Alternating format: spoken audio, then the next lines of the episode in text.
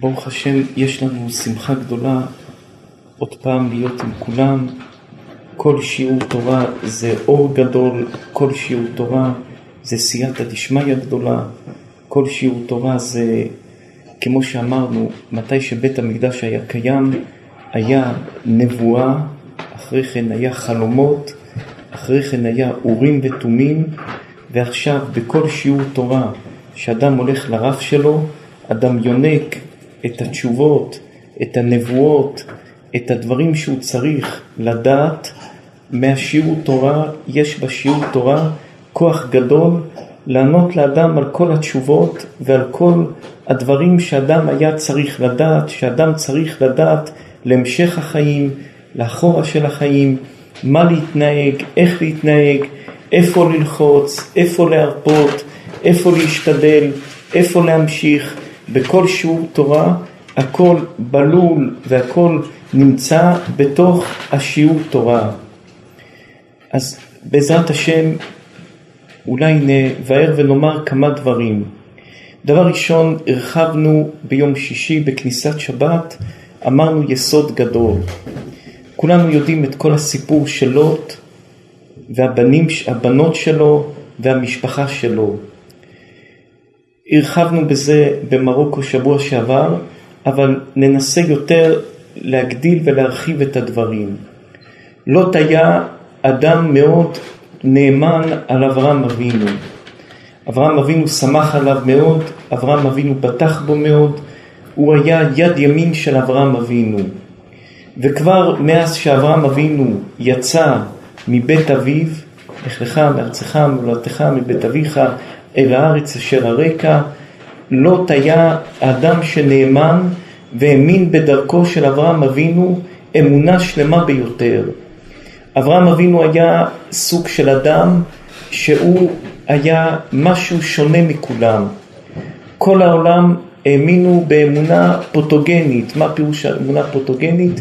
אחד האמין בשמש, אחד האמין בפרה, אחד האמין בחמור, אחד האמין כל האנשים האמינו במשהו מסוים, אבל לא היה משהו עילאי שהם חשבו שהוא משנה והוא שולט על כל הכיפה כולה, אלא אמרו, החמור יש לו כוח מסוים, השמש יש לה כוח מסוים, לכל דבר יש כוח מסוים, זה על הגשם, זה על הפרנסה, זה על ללדת ילדים, כל דבר יש לו כוח מסוים, ששם מתחבר הכוחות של המשהו מסוים הזה, וזה פותר מה שצריך. לכן, מתי שהיה צריך פרנסה, עבדו למשהו מסוים, נגמר המשהו מסוים, עבדו למשהו אחר. אברהם אבינו, בחקירה שלו, שהוא חקר כל דבר, שכל דבר שהוא ראה בחיים, הוא לא האמין בו אמונה שלמה, אלא הוא חפר וחקר, הגיע על ידי אמונה וחקירה וחפירה להגיע שיש אלוקים שהוא מעל הכל, מעל השמש, מעל הירח, מעל הכוכבים, מעל כל דבר, אלוקים הוא משהו שהכל מסתובב סביבו. ועל ידי החקירה הזאת הוא האמין לאמונה הזאת, ואז הקדוש ברוך הוא לקח את אברהם, אימץ אותו לחיקו, והקדוש ברוך הוא לא דיבר הרבה פעמים עם אברהם אבינו.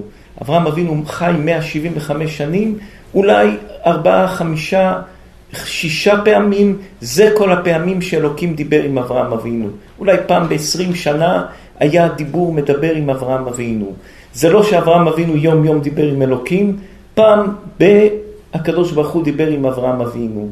החיים של אברהם אבינו לא היו חיים קלים, זרקו אותו לכבשן האש, ואפילו שזרקו אותו לכבשן האש, נמרוד, והוא לא נשרף, היה צריך אשר אלוקים אשר הציל את אברהם. אברהם היה בפנים, הוא לא רצה לצאת. הוא אמר, אני מחכה להישרף. הוא לא נשרף עד שהשם דחף אותו והוציא אותו מבפנים. הוא אמר, אני צריך להישרף, אני פה נשאר להישרף. הקדוש ברוך הוא היה צריך להוציא אותו מתוך כבשן האש. הקדוש ברוך הוא הציל אותו, הוציא אותו. הוא לא רצה לצאת, הוא רצה להישאר בפנים. הוא לא רצה לצאת מכבשן האש. וככה אברהם אבינו הקדוש ברוך הוא אומר לו, לך לך מארצך וממולדתך, והסברנו מה זה היה הניסיון של אברהם. אברהם אבינו כל חייו היה חיים של חקירה, בדיקה, הוא היה בודק, היו אומרים לו זה, הוא לא היה מקבל את זה כמובן מאליו, היה חופר, בודק, שואל, מנסה לרדת לעומק של הדברים. בניסיון לך לך הקדוש ברוך הוא אמר לו, עד היום חקרת, בדקת, לא האמנת בכלום, כל דבר היה לך שאלות, כל דבר היה לך בקשות, פה לך לך, תפסיק לשאול שאלות. האמונה שלך מפה היא מתחילה אמונה תמימה, בלי שאלות, בלי קושיות, בלי חקירות. אתה מתחיל להאמין בקדוש ברוך הוא אמונה תמימה בלי חקירות. אז הניסיון של לך לך לא היה ניסיון לך מהמשפחה שלך, אלא אברהם אבינו כל החיים שלו היה שאלות וחקירות ובדיקות ולחקור ולבדוק ופתאום מפה ולאבא נגמר החקירות, נגמר השאלות, נגמר לחפור בכל דבר, הוא צריך ללכת בתמימות שלמה, בלי חקירות, בלי שאלות, בלי בקשות, בלי כלום, ללכת אחרי אלוקים בלי שאלות. זה היה עומק של ניסיון של לך לך מארצך, זה לא לקום וללכת. כמה אנשים היו גרים בעיר, בא רב ואמר להם תעזבו את העיר, הם קמו ועזבו. כמה אנשים היו גרים בעיר, החליטו משנה מקום, משנה מזל, קמו והלכו. אצל אברהם אבינו הניסיון הוא לא היה ניסיון של תאווה, שנוח לי בבית פה, ונוח לי בשכונה פה, ונוח לי עם השכנים פה, אלא אצל אברהם אבינו לא לחשוב ולא לחקור, ולא ללכת מבחינה שכלית לחקור אחד ועוד אחד, ולמה שתיים, ולמה שמונה, ולמה שש, ולמה זה קרה, זה היה הניסיון הגדול. אברהם אבינו, הניסיון שלו היה ניסיון שכלי לעזוב את השכל ולעבור לאמונה התמימה. הניסיון של לך לך היה, תניח את השכל, תניח את התחכום, תניח מה שאתה חושב, ולך לאמונה תמימה, שלמה, עם הקדוש ברוך הוא בלי שאלות. אברהם אבינו הולך, הולך איתו הרן, זורקים אותם לכבשן האש, הרן ניצל. לוט, הרן נשרף, לוט ניצל.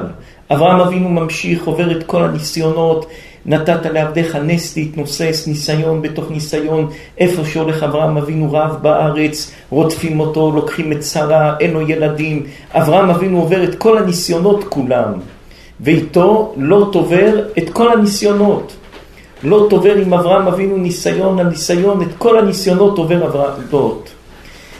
אחרי שאברהם אבינו רואה שעם לוט המצב נהיה קשה ביותר, שלוט מתחיל להפריע לאברהם אבינו בתפיסת עולם שלו, וזה יסוד גדול בחיים של כל אדם. אתה יכול להיות עם שותף, אתה יכול להיות עם אדם רמאי, אתה יכול להיות עם אדם שקרן. ברגע שאתה מתחיל לחיות את האדם שקרן, ברגע שאתה מתחיל ללמוד מאדם שקרן, ברגע שהאדם שקרן מתחיל, מתחיל להשפיע עליך, תתרחק ממנו.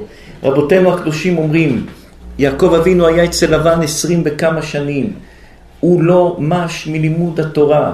הוא לא מש מהתמימות, הוא לא מש מלחשוב על אבא שלו יצחק ועל אמא שלו רבקה. עד שלילה אחד יעקב אבינו התחיל לחלום כבשים, עזים, ראה בחלום הלילה חלומות של חיות, בהמות, עסקים, דברים. הוא קם ואמר לנשים שלו, לא נשארים פה עוד יום אחד, קמים ועוזבים, לא נשארים פה. למה? 21 שנים אברהם אבינו עובד אצל לבן. עם הרמאי הגדול, עם השקרן הגדול, עם התככן הגדול, עם האדם שכל כולו מניפולציות. אבל אברהם אבינו שמר את זה מחוץ ממנו. בלב שלו היה יעקב אבינו, שהוא צריך להיות בחיר האבות, בלב שלו היה השבטים, בלב שלו היה יצחק ופחד יצחק, בלב שלו היה הסבא אברהם, בלב שלו היה רבקה אימנו, בלב שלו היה השבועה שהתפלל בהר המוריה בבית אל, שהשם הבטח, הבטיח לו הבטחות, כל זה היה בלב של יעקב אבינו. אבל לילה אחד שיעקב אבינו נכנס בתוכו לבן, עסקים, כבשים, עזים, נקודים, תלויים, הבין יעקב אבינו, זה מתחיל לחדור בתוכי. מתחיל לחדור בתוכי, לוקח יעקב אבינו את כל המשפחה שלו, וברגע אחד בורח מלבן. לא נשאר שם עוד רגע אחד. הוא מבין שהחיים של לבן מתחילים להשפיע עליו והוא מתחיל להיות כמו לבן. הוא מתחיל להבין שהעסקים והרמאות של לבן משפיעה עליו.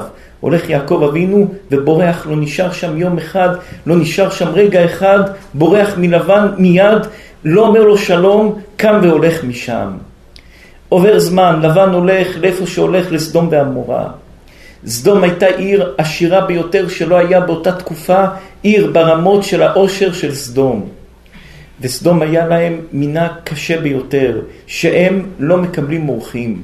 ולא מקבלים אורחים מקשום שזה מפריע להם או משהו.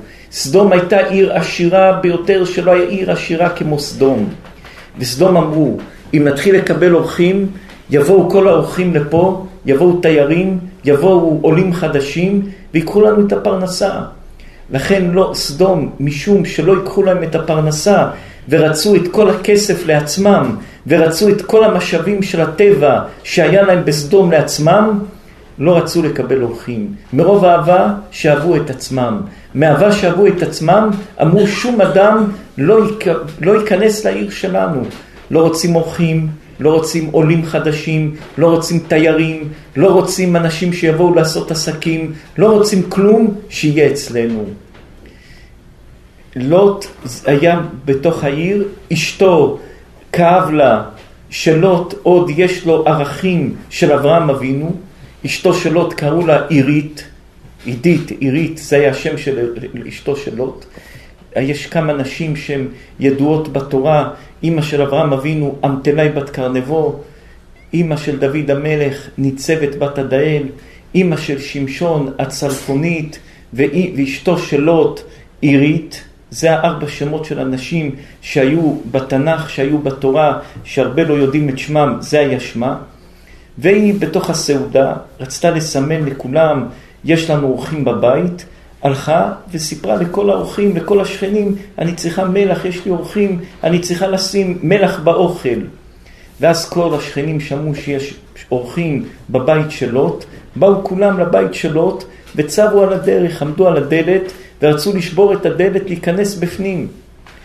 ומה רצו? לידהם, לעשות מעשים מגונים באותם אורחים. עכשיו, אותם אורחים זה מלאכים.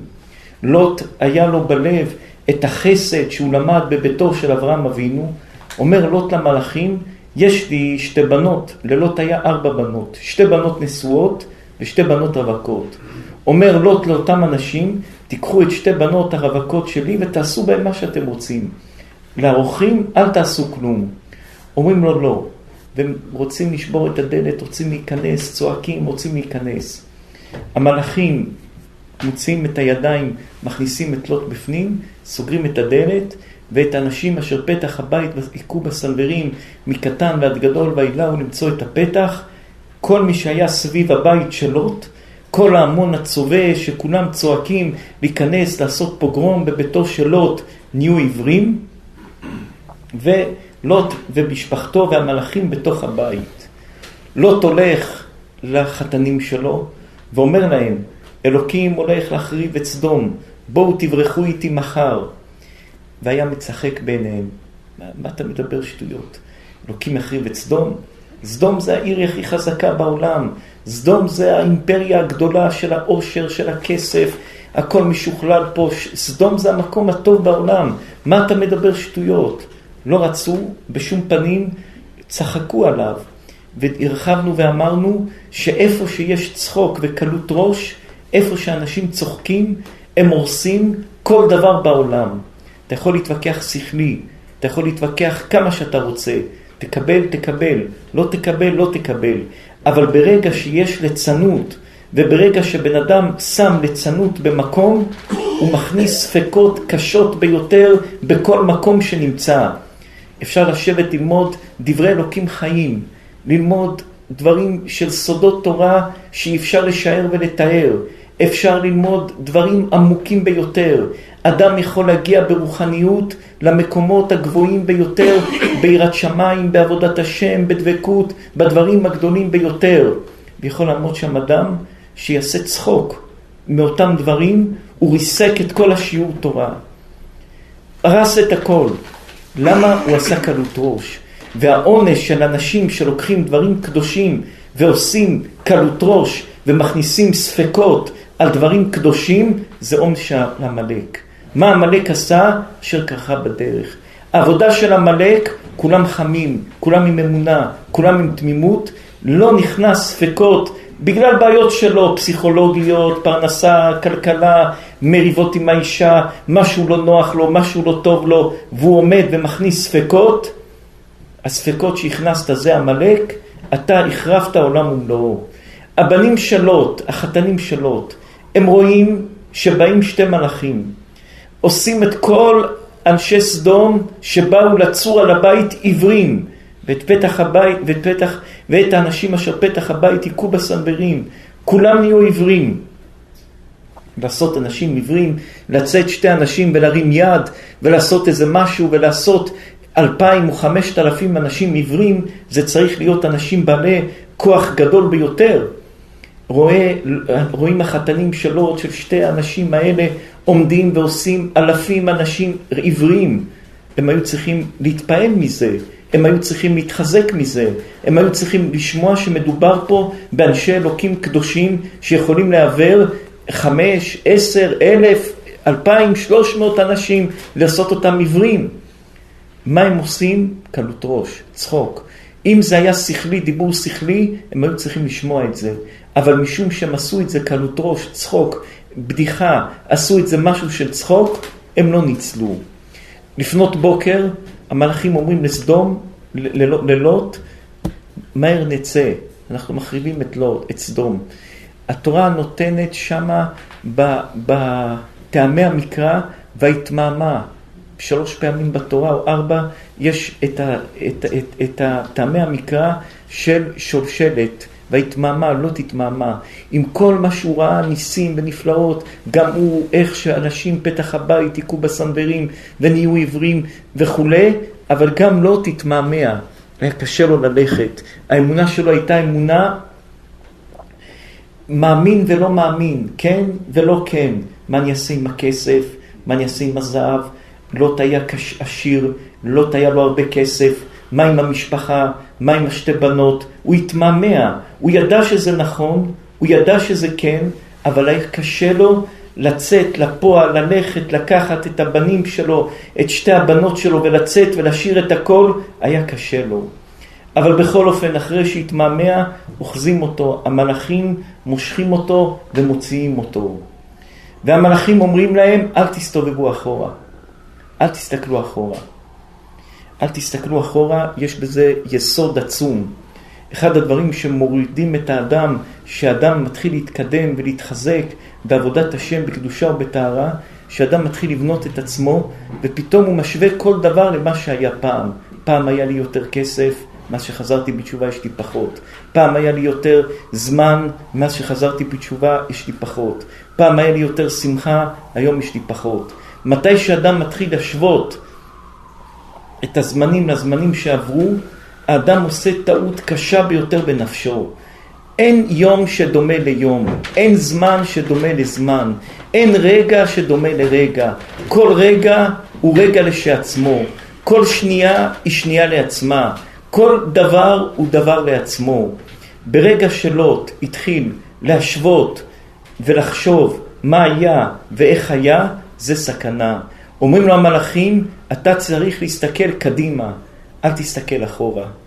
תסתכל אחורה, אתה גם תספה, אתה גם תמות, יהיה לך גם אסון, יהיה לך גם דבר לא טוב. אדם שכל הזמן קושר את האחורה, את מה שהיה לו אחורה, לקדימה, ושוקל את זה, הוא מאבד משהו עמוק מאוד משהו יסודי מאוד בחיים שלו ובהתחזקות שלו ובדרך השם האמיתית שלו. עכשיו השם שם אותך פה, פה אתה צריך לבנות את עצמך. תתחיל לחשוב, פעם היה לי יותר אוכל, יותר כסף, היה לי פעם יותר נוחות, פעם זה פעם. הקדוש ברוך הוא משנה איתי ומחליף את הזמנים. כל רגע זה רגע לשעצמו. לעולם אתה לא יכול לקשור מה שהיה פעם. פעם נתנו לי יותר, היום נתנו לי פחות. פעם היה טוב, עכשיו פחות, אתה לא יכול לקשור את פעם עם היום. פעם והיום זה שתי עולמות שונות. פעם והיום זה שתי דברים שלא קשורים בשום פנים ואופן ביחד. אז המלאכים אומרים ללוט, אל תסתכל אחורה, לך קדימה, תברח קדימה. הם מנסים לרמוז לו, תברח להר, לאברהם אבינו, לך לאברהם אבינו חזרה, משם באת, שם היה לך יותר טוב, שם יהיה לך יותר טוב, לך לאברהם אבינו. הוא מעדיף ללכת למואב. לוט אומר, אני בסדום, הייתי הצדיק של סדום. והיה לי מעלה גדולה, כולם היו רשעים, אני הייתי הצדיק של סדום. אני אלך לאברהם, אני אהיה רשע. אני רוצה ללכת למקום של רשעים, ושם אני הצדיק של הרשעים. מותר לי להיות צדיק של הרשעים, ולא להיות רשע של הצדיקים. התורה הקדושה אומרת, מתי שהם בורחים, ותישא אשת לוט את ראשה לאחוריו. הזוהר הקדוש מביא פה מחלוקת מה הפירוש, ותישא את ראשה, הסתכלה לאחוריו. הזוהר הקדוש מביא סברה ראשונה, שהסתכלה אחרי השכינה. הסתכלה וראתה אחרי השכינה. רבי יוסי בזוהר הקדוש אומר, ותסתכל לאחוריו, הסתכלה לאחרי לוט. אם לוט עומד פה, הסתכלה לאחרי לוט. ואז מה היא נהייתה? נציב של מלח. הגמרא אומרת בברכות, אדם שעובר ליד אה, נציב של מלח של לוט, צריך לומר, ברוך, אה, אה, ברוך, צריך לברך ולומר, ברוך דיין האמת, שהקדוש ברוך הוא דיין את האמת. מתי שרואה את, את לוט, יש ברכה אחרת, ברוך שעשה נס לצדיקים. זה שתי ברכות. אחד, ברוך, ש... ברוך דיין האמת, ברוך שעשה נס לצדיקים. על איזה צדיקים מדובר? מדובר על צדיקים, על אברהם אבינו, שלוט ניצל בזכות אברהם אבינו. זה עושה נס לצדיקים. לוט לא היה צדיק. בזכות אברהם אבינו שהיה צדיק, שמסר לו נס ללוט. אבל לוט לא היה לו שום עניין של צדיק. בעניין של אשתו של לוט, מי שרואה את אשתו של לוט צריך לברך, ברוך, שס, ברוך דיין האמת שהקדוש ברוך הוא דן את האמת. אז צריך לחלק את זה ולהבין את זה לכמה דברים. אחד, למה ברוך דיין האמת? איזה דיין האמת? מה דיין האמת? ודבר שני, צריך להבין מה הפירוש שלה תסתכל לאחריו, מה שאומר רבי יוסי בזוהר הקדוש, שהסתכלה לאחרי לוט. מה העניין הסתכלה אחרי לוט? אז פירשנו ואמרנו יסוד עצום שיש בו מוסר גדול לכל אחד ואחד מאיתנו. כל אחד ואחד מאיתנו חי את החיים. וכולנו יש לנו מערכת יחסים עם הרבה אנשים. מי יותר, מי פחות, מי יש לו קשר הדוק עם החבר שלו, מי פחות, מי זה חבר רק שלום, מי זה חבר של סוד, מי זה חבר שאדם יכול לסמוך עליו בצורה חזקה ביותר. כל אחד יש לו רמה של חברות עם כל אדם ואדם.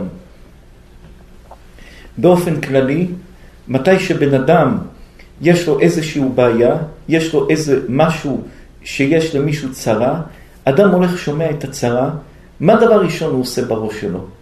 הוא מנסה לבדל את עצמו איך הוא לא קשור לאותה צרה. באים לאדם, אומרים לאדם, חולה בריאות, או מישהו נפטר. הוא שואל אותו מה קרה, המנחם שואל אותו מה קרה, אז הוא שואל אותו, הוא עישן הרבה סיגריות? הוא אומר לו כן. הוא שואל אותו כמה קופסאות ביום? הוא אומר לו ארבע. הוא אומר, אני מעשן רק שתיים. למה?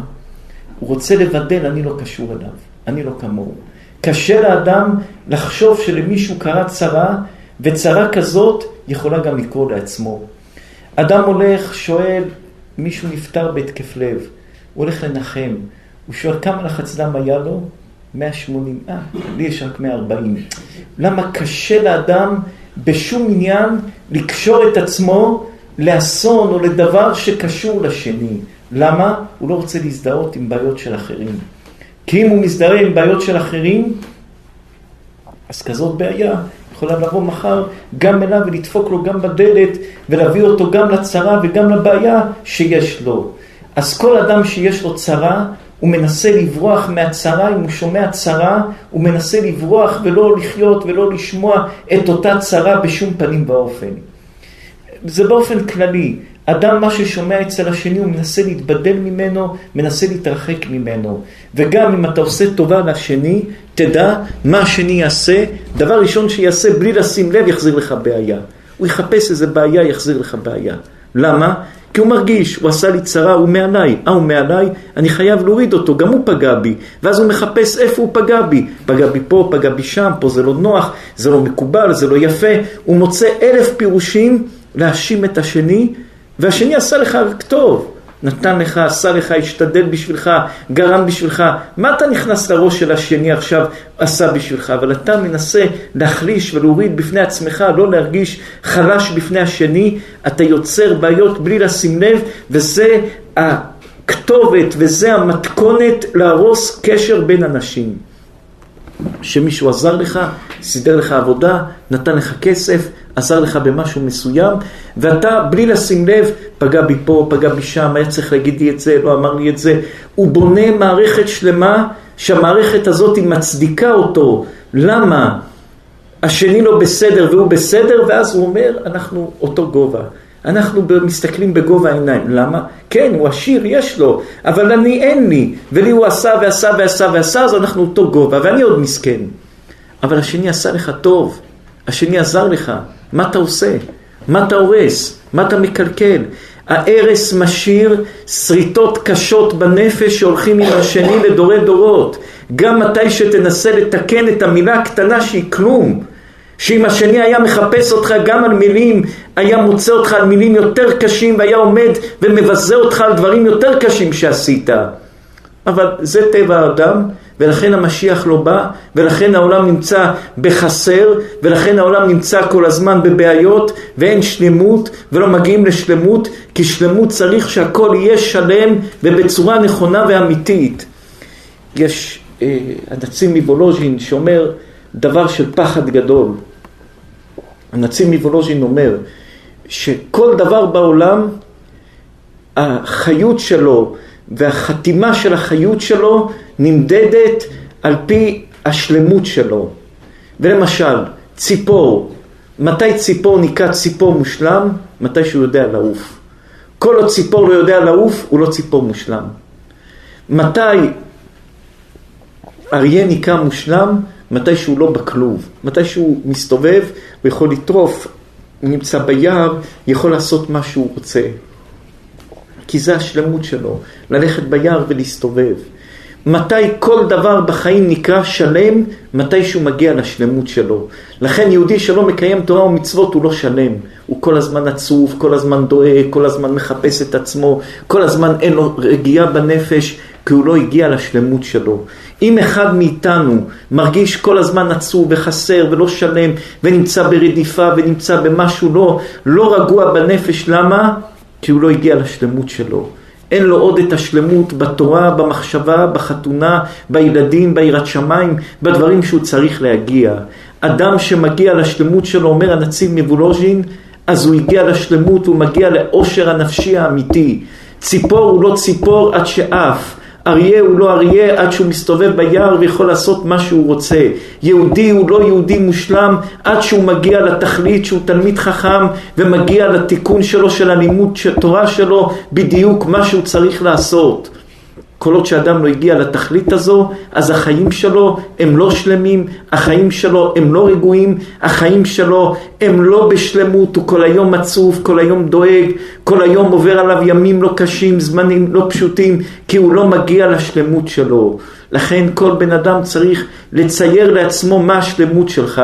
השלמות שלך ללמוד, השלמות שלך לעבוד, באיזה פרנסה מסוימת, השלמות שלך לעוף כציפור, להיות כמו אריה, לעשות משהו. ואם אתה חי בסיבוב בלי שלמות, כל הזמן אתה חי, חי בחסר, חסר, חסר, אתה חי בחסר כל הזמן, ואתה לא מגיע לשלמות. בן אדם שכל הזמן לא יודע מה זה השלמות שלו, והוא מתגלגל מדבר לדבר, וכל פעם הוא מחפש איזה ריגושים שפעם פה הוא צריך לרצות את אשתו רב עם פלוני, ושם הוא צריך לרצות את הבעל הבית שלו רב עם אלמוני, ושם הוא צריך לרצות את הילדים שלו והוא עושה מעשה כזה, ואז הוא נמצא בחוסר שלמות על חוסר שלמות על חוסר שלמות, והוא נמצא כדבר שהנפש שלו לא רגועה ולא מרגוע בנפש, והוא צריך לחפש רגיעה בנפש והוא מחפש אותה או בהתפרצויות של כעס או בהתפרצויות של דברים לא הגונים ובשתייה, או בכל דבר אחר, להשלים את מה שכואב לו, שהנפש שלו לא שלמה. אבל מתי שאדם עם נפש שלמה, והוא עף כמו ציפור, והוא הולך כמו אריה, והוא חי כמו הדבר המושלם שלו, רק אז שמו נקרא על שם מה שהוא. ציפור לא ציפור עד שעף. אריה לא אריה עד שהוא משוחרר בטבע. אדם הוא לא אדם עד שהוא מושלם בתיקון שלו בעולם והולך לפחות על הקו של השלמות שלו בעולם. וכל זמן שהוא לא הולך על הקו של השלמות שלו בעולם, הוא לא מגיע לשלמות האמיתית ואין לו את החוסן הנפשי אנשים שואלים מה זה ביטחון עצמי, אנשים שואלים מה זה אדם חזק. ביטחון עצמי זה משהו שאתה מראה כלפי חוץ, אבל חוסן נפשי זה משהו שאתה בונה אותו בפנים. אדם שהוא כל היום נמצא בבהלה, כל טלפון הוא קופץ, מה זה? למה זה? כל מה שמישהו אומר לו, אני רוצה להגיד לך משהו, מה אתה רוצה להגיד לי? הבן אדם הזה נמצא על הגבול של החוסר ביטחון, על החוסר, הוא נמצא על הגבול הדק ביותר של משהו רעוע נפשי. ומתי שאתה נמצא על הגבול של משהו רעוע נפשי, אין לך את החוסן הנפשי האמיתי ביותר. וחוסן אמיתי נפשי חזק ביותר, לא בונים אותו מספורט ולא בונים אותו משום דבר אחר. בונים אותו מבנייה של הנפש בצורה משמוערה לא יירא, נכון ליבו בטוח בשם, בונים אותו אבן על אבן עם אמונה בשם וביטחון בשם, ככה בונים את החוסן הנפשי. יש אנשים גיבורים גדולים, חכמים, חזקים, אבל כל דבר קטן מזעזע אותם. כל אדם שלא ענה להם בהודעה, מזעזע אותם. אדם בשידוך, שידוך לא ענה לו בטלפון, מזעזע אותו. אדם נמצא במשהו, השותף לא ענה לו, מזעזע אותו. זה אדם שנמצא על הגבול של המשהו של השפיות שלו, נמצא רגיש ביותר. עם חוסן נפשי נמוך ביותר ורדוד ביותר, הוא יכול להיות גבוה, גיבור, חזק, חכם, עשיר, אבל החוסן נפשי שלו חלש ביותר. ואת החוסן נפשי הזה בונים אותו עם אמונה, עם ביטחון, זה מראה שהאמונה שלך חלשה, הביטחון שלך חלש, אתה חי בדמיון שאתה עם ביטחון, אתה חי בדמיון שאתה עם אמונה, אתה חי בדמיון שאתה ואתה ואתה, ובפנים אתה אדם חלוש, בפנים אתה אדם רדוד, בפנים אתה אדם שלא יודע לעמוד איתן על החיים שלך. לא משנה מה עברת ולא משנה מה ראית ולא משנה מה התמודדת.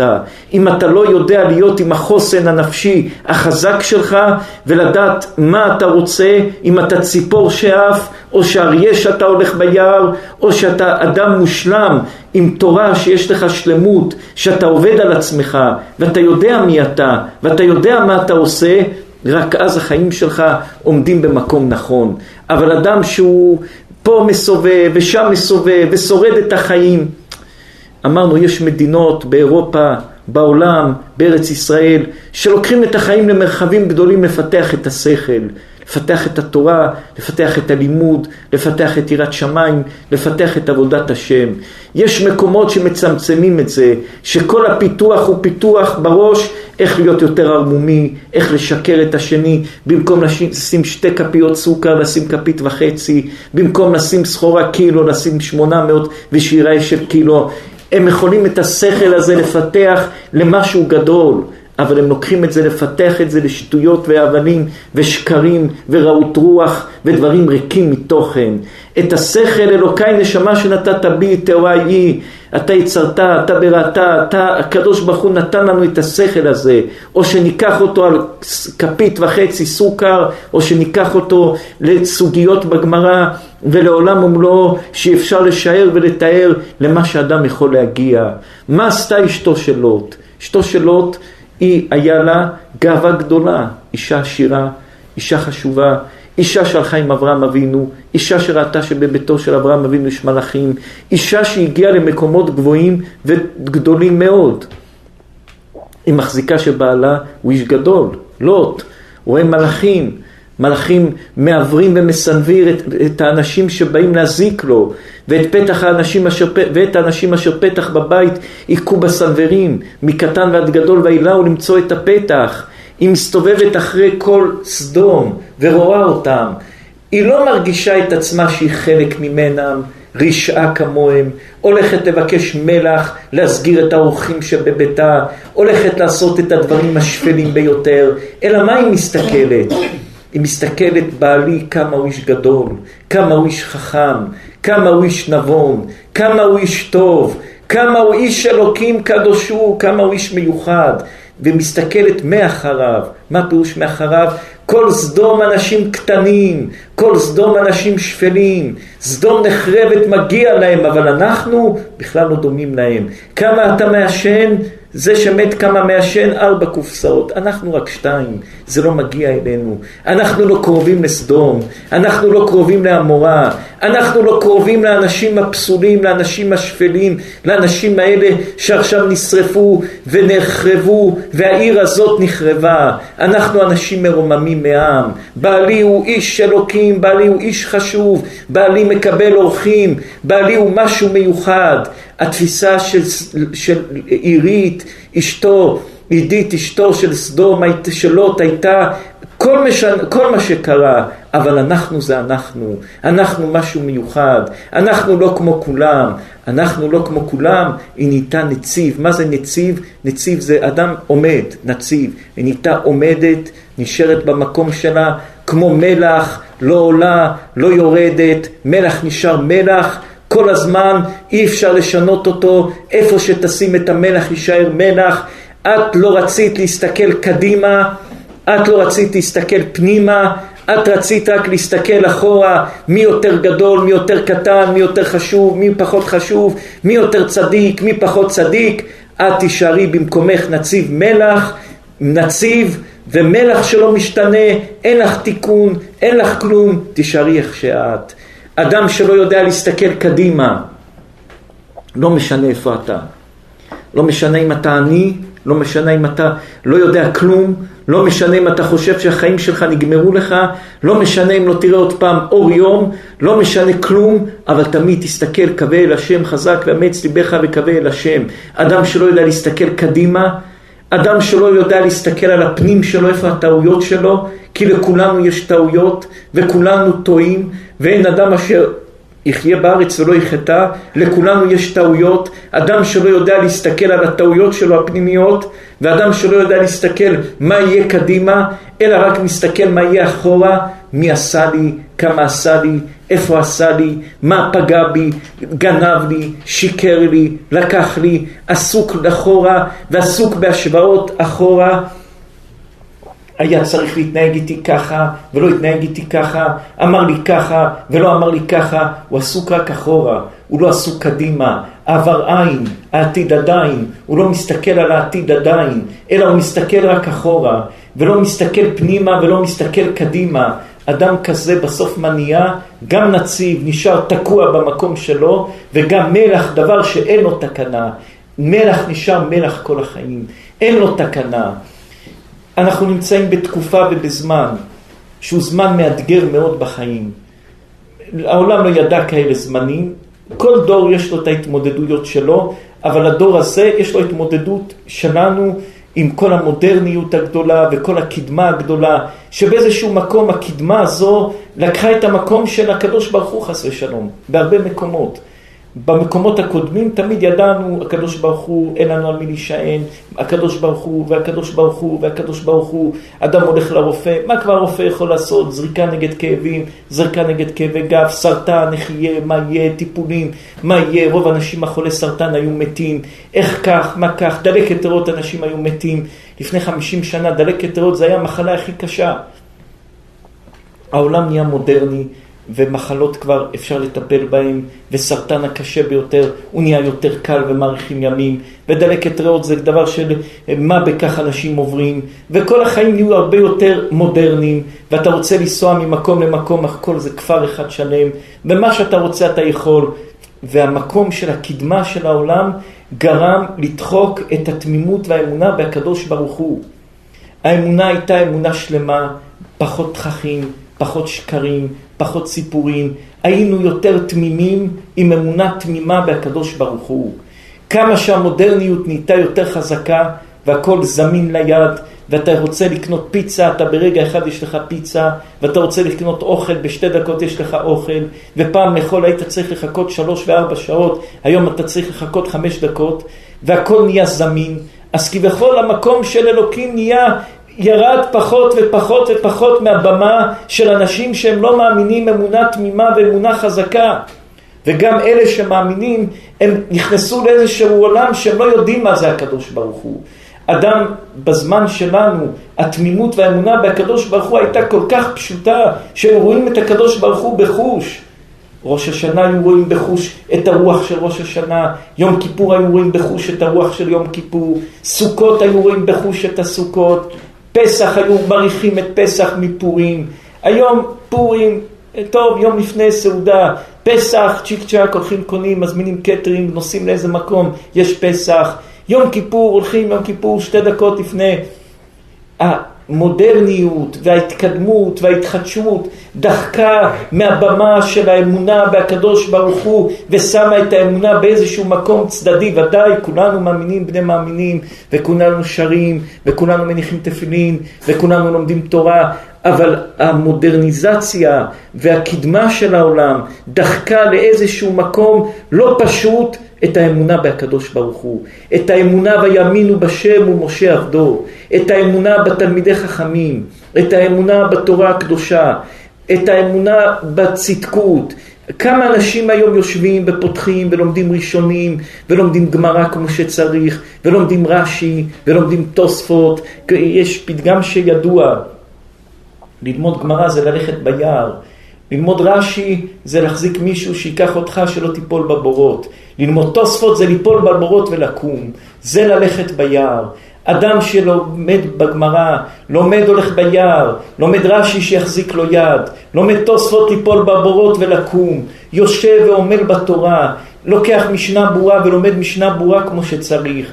עולה עוד בלימוד תורה, לומד עוד ספרים קדושים, לומד אורח חיים הקדוש, לומד נועם אלימלך, לומד דברים קדושים, לומד דברים מקודשים שמקדש את עצמו, הוא מרים את עצמו למקום אחר, הראייה שלו ראייה אחרת, התפיסה שלו ראייה אחרת. היום אנשים גם הלימוד תורה אנחנו רואים אם אדם לא דבוק בתלמיד חכם שיודע ללמוד גמרא, תלמיד חכם אם הרב דומה למלאך יבקש תורה מפיהו, אם הרב אינו דומה למלאך אינו יכול, לא יבקש תורה מפיהו. אם הרב לא דומה למלאך, אתה לומד תורה, אתה פגום בתורה שאתה לומד. וכל יום חידושים שאין להם שחר, בן אדם ראה באיזה ספר שתי מילים, לעשות כך וכך, אה, לעשות כך וכך, לעשות כך וכך. לא יודעים מה זה העומק של הגמרא, לא יודעים מה זה העומק, לא יודעים מה זה הפנים של התורה, לא יודעים מה זה העומק, העומק של התורה. עוד כמה דורות מה יהיה? אנחנו רואים כל מיני שיעורים שלפעמים שולחים לנו לראות, אנחנו, באמת, כואב לנו. איפה גמרא, איפה משנה, איפה הלכה, איפה דבקות בשם, איפה דברים ריקים, דברים פשוטים, דברים שסתם יושבים ו, ובאמת מסכנים אנשים כי זה מה שנשאר להם, זה היסודות שעל זה הם בונים את כל האמונה שלהם, את כל הדת שלהם, על זה הם בונים, הדברים שהם חלולים, הדברים שהם לא נכונים. סגולות שאין להם שום, אם אנחנו אומרים סגולה, אם לא שמענו אותה בשם אבותינו הקדושים שעשו לא יודעים מה המקור שלה, אבל אם בבא מאיר עשה, ואם קדושי עליון עשו, הם ידעו מה עשו. כל מיני סגולות וכל מיני דברים שלא לא שמענו, לא, לא, לא שמענו, לא, לא, לא, לא שמענו. אמרנו בשבת לרבי מנחם ולרבי יואל, לפני כמה זמן הראו לנו במלחמה שעשו בארץ ישראל, שהושיבו כל מיני מחבלים ושמו להם מוזיקה. מוזיקה שככה הסבירו לנו למה שמו להם מוזיקה, שהם לא יחשבו לתכנן את התשובה לחקירה, הרי תמיד חקירה ראשונה היא החקירה שנותנת את הקו. אדם שקראו לו לחקירה, גרסה ראשונה זה הכוח שלו. אם הוא אומר גרסה וחוזר בו בגרסה, אז הגרסה הזאת היא, היא גרסה שבורה, היא גרסה לא נכונה. אז פחדו שאותם מחבלים ישנו את הגרסה שלהם, אז הושיבו אותם עשר שעות עד שחכו מחבל מחבל יימח שמם, ושמו להם מוזיקה. מה המוזיקה הזאת? שהם לא יצליחו לסגור בראש שלהם גרסה מה להגיד לחקירה, לחוקר של המשטרה, של השב"כ שיחקור, יראו אותם. אז מה שמו להם? איזה שיר? איזה שיר שמו להם? עוד עשר שנים איזה מקובל יגיד, מי שרוצה להיזכרות, לנצל מדברים רעים, יגיד מני ממטרה. זה, זה ככה יהיה עוד עשר שנים. זה, זה יהיה עוד עשר שנים, יבוא איזה מקובל חדש ויגיד, מי שרוצה להיזכר, להינצל מדברים יגיד, רעים, יגיד מני ממטרה. תדעו ככה, תזכרו, תזכרו את השיעור הזה, תשמרו אותו עוד עשר שנים, חמש עשרה שנים, יבוא איזה אחד שלא שנה ולא למד, ויגיד, תגידו, מני ממטרה סגולה לזיכרון, סגורה להינצל מערבים, סגולה להינצל ממחבלים. לא יודעים כלום, לא למדו, לא שנו, לא יודעים כלום, לא יודעים שום דבר.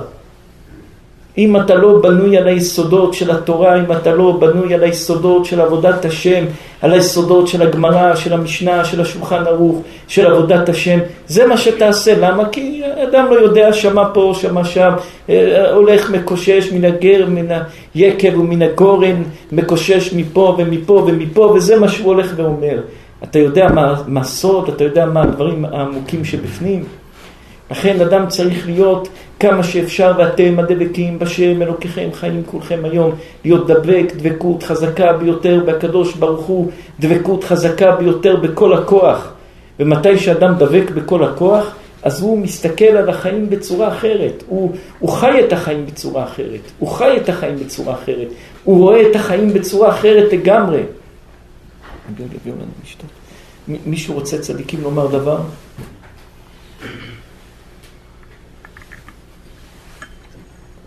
מי צדיקים רוצה לומר דבר? מה העניין שלא פותח את הבנות שלו ומוצא אותה במקום ה... לפי מה שהרב אמר שהוא לא היה איש צדיק. אז הוא הכניס אורחים, בסדר, הוא למד את זה מאברהם אבינו, אבל אתה נותן את הבנות שלך, תוציא אותם בחוץ ותעשו בהם ולא יעשו באורחים. אז אולי ניקח את זה לפסוק אחר. כתוב בפרשת השבוע בעקדת יצחק, ויעל את יצחק על גבי העצים. אם מישהו יקרא לנו הפסוק, איפה רבי שמעון סעדון? מישהו יקרא לנו את הפסוק, רבי אריאל? רבי מאיר? איפה צדיק? תציעו לנו צדיק.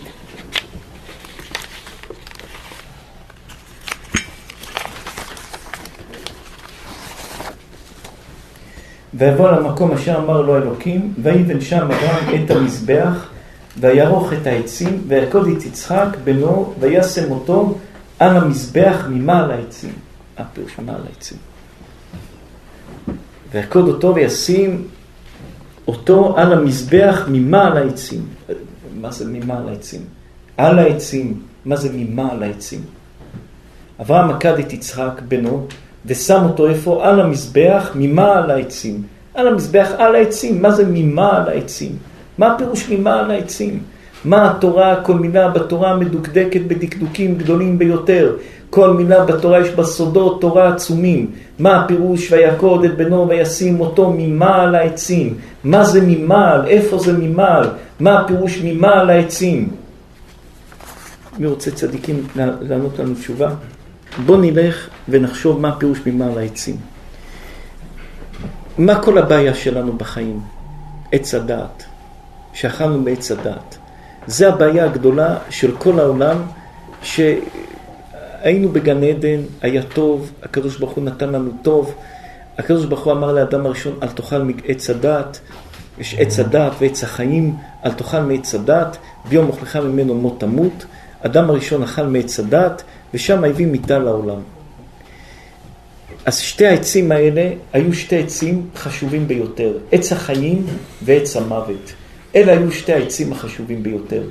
וכל התיקון שלנו בחיים זה בילה מוות לנצח ומחה השם דמעה מעל כל פנים וחרפת עמו יסיר, להביא אותנו חזרה למה שהיינו לפני חטא אדם הראשון שאכל מעץ הדעת, להביא אותנו לדרגה שהיינו לפני אכילה מעץ הדעת. איזה דרגה היינו? ממעל העצים.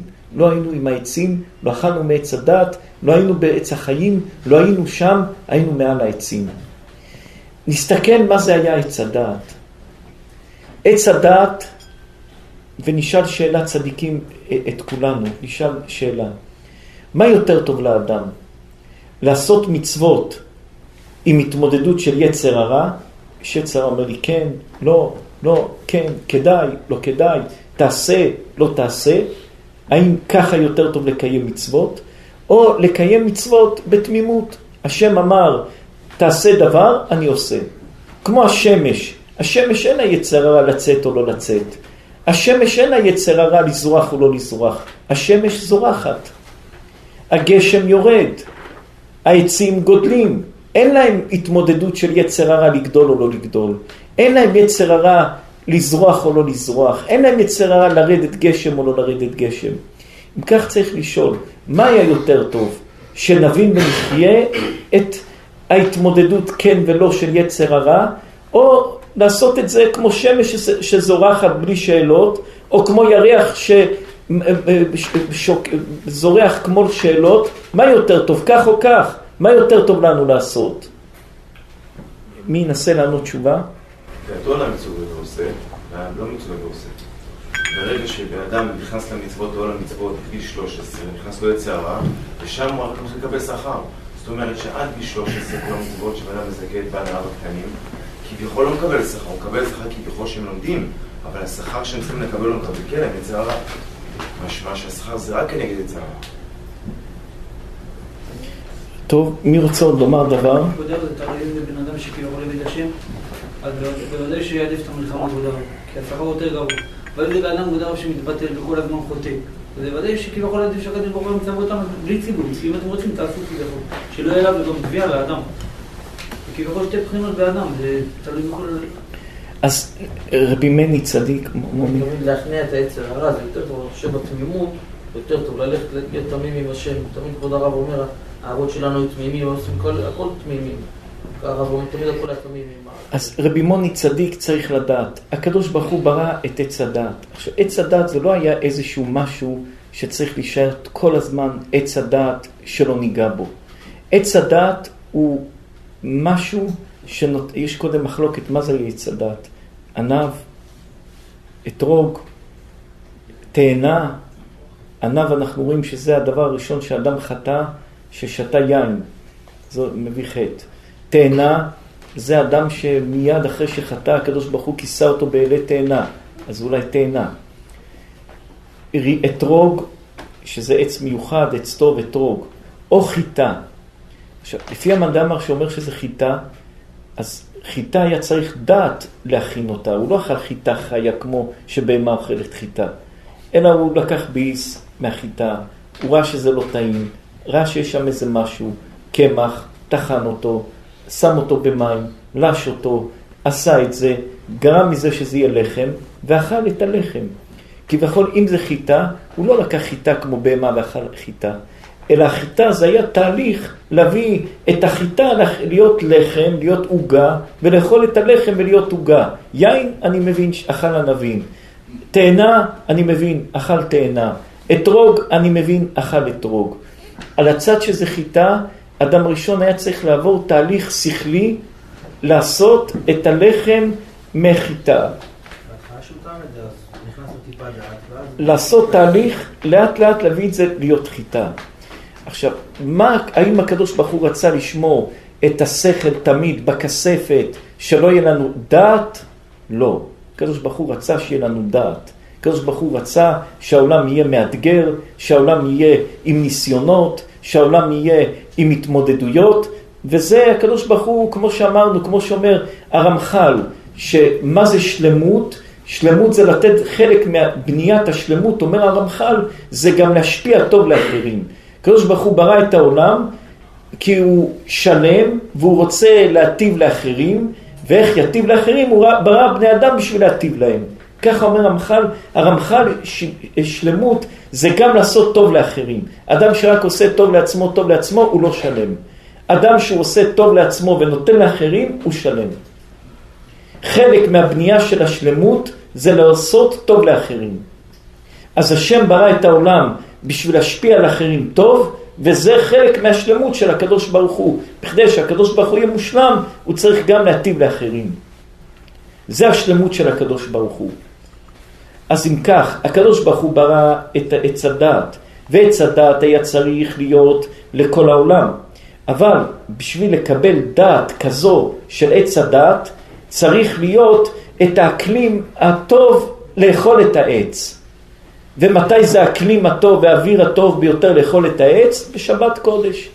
שזה מעין עולם הבא, שזה יום שבת מנוחה, שבשבת קודש זה זמן מרומם, שבשבת קודש זה זמן גבוה, שזה זמן גדול, זה היה הזמן לאכול מעץ הדעת. אלא מה האדם הראשון עשה? הקדים בשלוש שעות, ואכל את עץ הדעת בשלוש שעות. אם הוא לא היה מקדים בשלוש שעות, הוא היה אוכל את עץ הדת בעיתו, בזמנו, עץ הדת היה בשביל לאכול אותו, אלוקים לא ברא אותו סתם, אלוקים ברא אותו לאכול, אבל באווירה, באקלים, במציאות, במה שהקדוש ברוך הוא רצה, שאז יאכל את עץ הדעת. ואדם מה עשה? אכל לפני. אם כך, עץ הדעת היה עץ חשוב לאכילה, טוב לאכילה, נברא לאכילה, אבל בעיתו בזמנו, לא לפני הזמן. משום שאכלנו אותו לפני הזמן, זה היה העבירה שלנו. ומה עץ הדת היה גורם, ומה עץ הדת גרם לעשות? עץ הדת הביא את האדם להיות אדם יותר חושב, יותר עם, אה, עם, אה, עם, עם, עם הבנות ותובנות, כמו שהיום אנשים אומרים, אני צריך להיות אדם יותר אה, עם תובנות, להבין יותר, לחקור יותר, לראות יותר מה משתלם לי, לראות יותר מה טוב לי, והעולם היום נהיה כמו המקור של חטא עץ הדת, זה מה שנהיה אדם. תלך לשאול את האדם מה אתה רוצה, הוא יאמר אני רוצה שיהיה יותר נוח, אני רוצה לסדר את החיים יותר טוב, אני רוצה לחיות יותר טוב. כל יום העץ הדעת מתגבר והחדידות של עץ הדעת והקלקול של עץ הדעת הוא נהיה יותר חד מיום ליום. הוא עץ הדעת, הוא נתן לנו דעת, הוא נתן לנו לחקור, הוא נתן לנו לבדוק, אבל הכל כלפי עצמנו, הכל לעצמנו. אם הוא היה ניתן בשבת קודש, אז הוא היה עץ הדעת בריא לכולם, שכולנו נתחבר וכולנו נתחלק בממדים ובטוב שעץ הדעת צריך לתת לעולם. השכל שלי ושלך ושלו ושל כולם יתחבר ביחד ויועיל לעולם יותר. היום עץ הדעת, התכלית של עץ הדעת, מאז שאדם הראשון אכל אותו לא בעיתו ולא בזמנו, איך אני אטיב לעצמי יותר. וזה החטא של עץ הדעת הגדול שממשיך ולא מתקנים אותו. איך מתקנים אותו? שאדם לוקח את עץ הדעת, את מה שקיבלנו, ומשתף את חברו, הנה, השגתי, לא משתף את חברו בקצת ושומר בשבילו את הרבה, אלא הכל על השולחן, זה מה שהשגתי, מה אתה השגת, בוא נראה איך אפשר לתקן עולם, בוא נראה ואהבת לרעך כמוך, מאיפה מתחיל שנאת חינם? מעץ הדעת. אני חושב שמגיע לי יותר, אני חושב שאני לא מספיק אה, אה, אה, מבטא את עצמי, אני חושב שאני יכול לעשות יותר, אני חושב שאני יכול להשיג יותר, אתה לוקח לי, אתה מזיק לי, אתה לא נותן לי, ואז העץ הדעת שניתן לכולנו שכל, אחד בא על חשבון השני, וזה יוצר שנאת חינם. מה היה קין, הבן של אדם הראשון והבל? שתיהם אכלו עץ הדעת, מאבא שלהם ואימא שלהם. אז הם לא יכלו להסתדר, הם שתיהם רצו תובנות, שתיהם רצו השגות, שתיהם רצו להיות uh, מאותגרים, שתיהם רצו להיות חכמים, שתיהם רצו uh, uh, העצמה אישית גדולה בשביל עצמם, קין לא הספיק לו כלום, אבל לא הספיק לו כלום, ואני רוצה יותר, ואתה רוצה יותר, והוא רוצה יותר, ובשכל זה לא מסתדר לו, והוא צריך יותר, ושניהם הגיעו לפיצוץ שעולם שלם לא מספיק להם. למה? כי הם אכלו מעץ הדת וקיבלו תובנות והעצמה אישית גדולה, כמו שקוראים לזה היום, כל אחד רצה העצמה אישית יותר גדולה לעצמו, וזה התפוצץ והחריב את העולם, שהעולם היה קטן לשתי אנשים בלבד. אבל עד שקם, והבנים של תובל קין, איך קראו לבן שלו? בן אחד קראו לו איך? חנוך, בנה עיר על שמו, קין, הוא התחיל לבנות את הקניונים, כל הקניונים הוא התחיל לבנות אותם. הכל לעצמו, עם השם של עצמו, קניונים, קין, קין, הכל לעצמו, לעצמו. הוא כבר רצה תובנה אישית, הכל שלי. אני לוקח את הכל, הכל שלי. בנה, נולד לו בן, קרא לב, לעיר על שם הבן שלו, הכל עצמי, תובנה עצמית, תובנה אישית, אני רוצה להשיג, אני רוצה להיות חכם, אני רוצה לבנות, אחרים לא ייקחו לי, זה שלי, למה אתה נכנס לי לחיים? זה היה העולם של אותו תקופה. אחר כך היה טוב על קין, הוא עשה את החרבות, אני רוצה להשיג תובנה אישית, אני רוצה לגנוב, אני רוצה לקחת, אני רוצה להשיג לעצמי. גם נעמה, אשתו של לוט, גם אשתו של לוט, מה אשתו של לוט עשתה? היא גם רצתה להשיג לעצמה, זה שלי, היא גם הייתה צאצאה של קין, זה שלי, למה לא? זה מגיע לי, תובנה אישית, אני רוצה לעצמי, כמה יהיה לעצמי, איך יהיה לעצמי, הכל היה בנוי סביב כמה אני משיג לעצמי. עד שבא אברהם אבינו, שאברהם אבינו גם היה לו תובנה אישית, אבל תובנה אישית היא לא הייתה תובנה אישית של עצמו. תובנה אישית, מנצח במלחמה, ארבע מלכים באים אליו, כל בן אדם שהיה מצליח במלחמה, היה עושה מרשל צבאי, עובר במרשל הצבאי, כולם מכבדים אותו. אברהם אבינו אומר, ירימותי יד לשם אל עליון, אם איכות נעל והצורכי כך, אשר תאמר אני השארתי את אברהם, כלום לא שלי. אמת ניצחתי, אבל כלום לא שלי. כל דבר שבא לאברהם אבינו כן אמת, אבל זה לא שלי. התובנה האישית של אברהם אבינו היה הכל כן הצלחתי, אבל זה לא שלי. התובנה האישית שהיה עד אברהם אבינו, זה שלי, וגם זה שלי, ויותר שלי, ומה תיתן לי יותר שלי, זה היה התובנה מאדם הראשון, מעץ הדעת. והתובנה של אברהם אבינו, מה היא הייתה? השגתי, אבל אני לא יודע מה רצון השם. בוא נשאל את השם. כל מה שיש לי, השם. אני לא מבין, אני לא מבין מה בדיוק, למה זה אצלי, מה התיקון שלי שזה אצלי, למה הקדוש ברוך הוא נתן לי את זה אצלי, אני לא מבין. התובנה של קין היה, למה זה אצלי? כי זה שלי ומגיע לי יותר, וזה שלי, וזה חטא עץ הדעת, שזה הדעת, כל מה שיש לי לא מספיק לי, ולמה ככה, ואני רוצה יותר, וצריך יותר, ולמה אין לי יותר. התובנה של אברהם אבינו ושל הצדיקים, יש לי, למה? לא יודע, צריך לשאול את השם, בוא נראה איך נתנהג עם זה, בוא נחלק מזה צדקה, בוא נשתף עם זה אנשים, בוא נעשה בזה עוד דברים, זה לכן יש לי. כל מצווה שכתובה בירושלמי מצווה סתם, איזה מצווה זו? מצווה צדקה. כל מקום שמובא בירושלמי מצווה סתם, זו מצווה צדקה. אברהם אבינו, כל מה שיש לו, הוא לא מבין. בסדר, זה שלו, זה אצלו, אבל למה? מה, מה יצא לי מזה? למה? איפה? כמה? מה אני צריך לעשות בזה? קין, אחרים, יש לי, אני צריך יותר. איך אני מאתגר את זה יותר? איך אני משיג מזה יותר? איך אני מפתח את זה יותר? אברהם אבינו, כן, יש לי, גדלתי באברהם כבד, במקנה, בצאן, בבקר, כן, יש לי. אבל הוא לא... הוא, הוא, הוא, לא, הוא לא לוקח את זה בתור שהוא חי את זה וזה שלו. אם צריך לתת הוא נותן, אם צריך לחלק הוא מחלק. הוא לא חי את זה, זה לא לקחת את זה ולהגדיל את זה ול, ו, ולהעצים את זה ולעשות מזה עולם אחר. הוא חי את זה במידה. הוא חי את זה פתוח, אם צריך לעזור לאחרים, לתת לאחרים, הוא חי את זה אם פתוח לתת לאחרים. ועקדת יצחק, יצחק אבינו, רוצים לעקוד אותו, אבא תשחוט אותי. תשחוט אותי, תקשור אותי טוב שאני לא יזוז. מה עץ החיים גרם לאנשים לרצות לחיות? אני רוצה לחיות, כולם רוצים לחיות.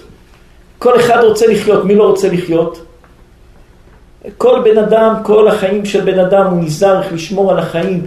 מה לשמור על החיים? יסירני יא ולמוות לא נתנני. אדם החיים אצל האדם זה הערך המקודש הגבוה ביותר שאין לו שני. עם ישראל מקדשים את החיים, החיים זה לפני הכל. אה, סכנת חיים, פיקוח נפש דוחה את כל התורה כולה. אם יש לך פיקוח נפש, זה דוחה את כל התורה כולה. אם יש לך שבת, יוצא עוד חצי שעה, ועכשיו יש לילד חום, אל תגיד אני אחכה חצי שעה. קח אותו מהר לבית חולים. ספק ספק הדוחה שבת. אל תגיד עוד חצי שעה, לא, זה לא חוכמה. ספק ספק הדוחה שבת. החיים מקודשים יותר מכל דבר. אז ממה על העצים, מה הפירוש ממה על העצים? אברהם אבינו לקח את יצחק, והוא ויצחק עלו ממעל העצים, ממעל עץ הדעת, ממעל עץ החיים, ממעל התובנות האישיות של כל בן אדם, אני חכם, אני נבון, אני אכלתי מעץ הדעת, הדעת שלי נכונה, הדעת שלי ישרה, הדעת שלי פתוחה, מעל עץ החיים, אני רוצה לחיות, החיים זה דבר חשוב, החיים זה דבר גדול. אברהם אבינו עלה עם יצחק בנו ממעל העצים, מעל העצים, מעל עץ הדעת, מעל עץ החיים, מעל הכל, עלו מעל הכל, לא עצים ששמו סתם על גבי המערכה לשחוט, אלא מעל עץ החיים ומעל עץ הדעת, שמה אברהם אבינו ויצחק עלו מעל שתי העצים האלו. מי, מי רוצה צדיקים לומר, להגיד דבר? כבוד הרב, מה שכבוד הרב ביקשה פעם, למה כתוב בברכת מזון, אל תביא לידי מקום בשר ודם ולא יודע מה תם. וכי בן אדם יכול לעשות משהו בלי תרומות של אנשים, בלי עזרה של אנשים, חייב. אלא אל תיקח מאנשים שה- שהתרומות שלהם זה הבשר והדם שלהם, ככל שיתחברו לדבר, אלא תיקח מאנשים שמעל הדבר, הם מבינים שזה עובר, זה מגיע אליהם וזה זז, המים זורמים, זה מים פנים. חזק. אפשר להגיד, הרב אולי, ממה שכבוד הרב אמר בדברים על אברהם, שהוא תמיד חקר ובדק והכל, אז את העצמה שנהיה לו, את הכסף ואת הכל, הוא ידע שהוא צריך לתת לאחרים. ואחרים כמו קין ואלה, את העצמה שלהם, הם לקחו רק את הפשט, את העצמיות מהמילה העצמה, העצמה, הם לקחו את העצמיות בשביל עצמם, כי הם לא פתרו ולא בדקו. חזק. ואולי אפשר גם להגיד כבוד הרב מה ששאלתם מקודם על מה עדיף תמימות או להילחם עם היצר הרע, אז ראינו שכשהם נלחמו ביצר הרע, הם בסוף אכלו מעץ הדעת. אבל אם הם היו הולכים בתמימות, אדם וחווה, ולא מתפלפלים על לגעת אה, או לאכול או זה, אז הם לא היו עושים חטא עץ הדעת. חזק. מי מי רוצה? רבי משה צדיק? כבוד הרב נגע בשתי הגישות, מה עדיף? יכול להיות שהשילוב של שתי הגישות זה כן משהו שעדיף. כי מצד אחד, הרי אלמלא בן אדם היה מתלבט כל הזמן עם עצמו, יכול שלא היינו מגיעים לאן שהגענו, כבני אדם וכעם ישראל. לבטח כאשר התורה התפתחה וכל מיני סוגיות אה, מסוימות נפתרו, בגלל התעוזה ובגלל עץ הדעת שבעצם אה, רבנים גדולים נכנסו פנימה ונתנו כל מיני החלטות בסוגיות. ואם הסוגיות ניתנו כתוצאה מאיזושהי תמימות מסוימת, ממחשבה טהורה, ממחשבה צלולה, זאת אומרת זה נתן בעצם את הקדמה הנכונה והטובה יותר. חזק צדיקים. מי עוד? כמה תיתן לי? היו נותנים לו קצת, הוא היה לוחץ עוד עוד. יום אחד הוא הלך לאיזה עשיר בתל אביב, לחץ אותו, כמה תיתן לי? העשיר הזה נתן לו 100 שקל. לחץ אותו, מה זה 100 שקל? תיתן, תיתן.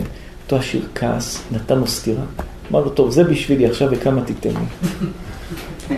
זה מתי שאדם דבוק במטרה. מתי שאדם דבוק במטרה ולא לוקח לעצמו אישית כלום, לא לוקח לעצמו אישית כלום. אמר לו, זה נתת לי, עכשיו כמה תיתן לזוג החתן? אם זה היה אדם אחר, נתת לי סטירה, אוי ואבוי, אני אחזיר לך, אני אזמין משטרה. לא. אמר לו, זה לי, עכשיו מה לחתן?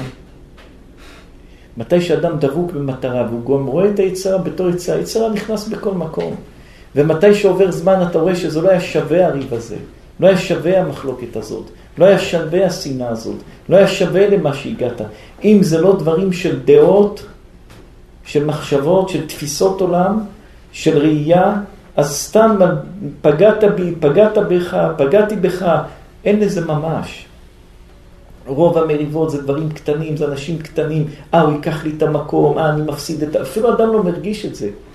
אדם לא מרגיש, אדם יושב, הוא לא מרגיש. והוא עושה נזק לעסק, אה, הוא ימכור לאיש הזה, אז אני לא אמכור, אז הוא יותר חזק, מקלקל העסק. ת, תגיד לו, מה, מה פתאום, חס ושלום. אבל מי שמהצד רואה איך האדם מתחיל להידרדר וליפול בלי לשים לב, ונופל, הוא לא שם לב, הוא הורס את העסק שלו, למה? אה, אם הוא ימכור, אז אני לא אמכור, אני נראה יותר חלש, אני מאבד את המעמד שלי. אבל אתה פוגע ב- בעסק, אתה פוגע בתורה, אתה פוגע בקדוש ברוך הוא. הוא לא מבין את זה. הוא, אתה מדבר איתו, הוא לא מבין את זה. הוא לא מבין את זה, הוא לא יכול להבין את זה.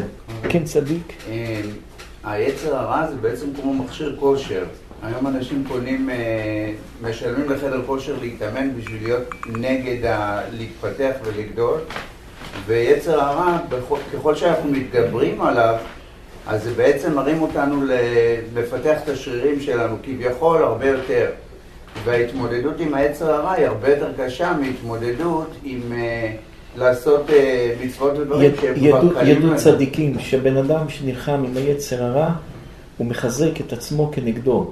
לכן הגמרא אומרת לעתיד לבוא יצר רע נדמה לצדיקים כחוט, כהר גדול ולרשעים כחוט השערה. צדיקים בוכים ורשעים בוכים. צדיקים בוכים ואומרים איך ניצחנו אותו. רשעים בוכים ואומרים הוא קטן איך לא ניצחנו אותו.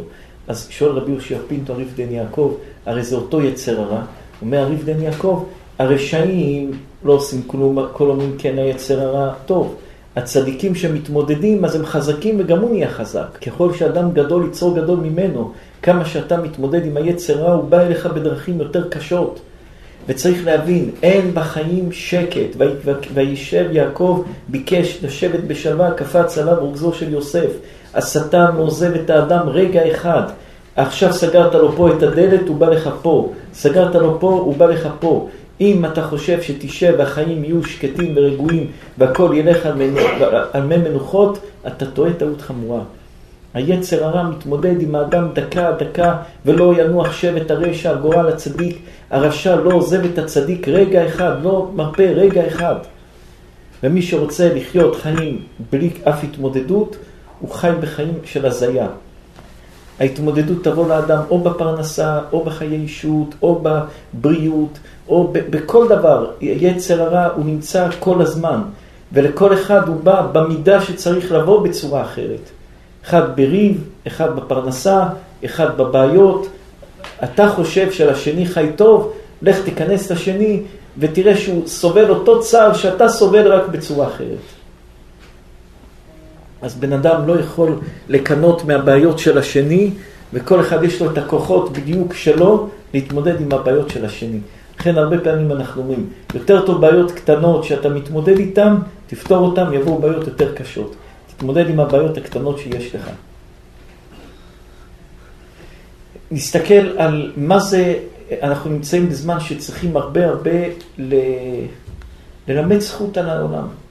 ללמד זכות. אדם צריך תמיד ללמד זכות על אנשים. גם אם אדם אה, התחמק ממך, פגע בך, עשה לך משהו לא טוב, תחשוב זכות. תחשוב אולי עכשיו הוא לא יכול, אולי עכשיו קשה לו, אולי עכשיו יש לו איזה בעיה מסוימת, אולי עכשיו הוא בלי מצב רוח, אולי עכשיו משהו כואב לו בלב, אולי עכשיו משהו לא נוח לו, אולי עכשיו הוא נפגע ממשהו שאתה לא יודע, תיתן לו להירגע ממה שנפגע, אולי עכשיו הוא שמע משהו לא נוח עליך, תיתן לזה לרדת. ואדם מלמד חובה ודן את השני לכף חובה.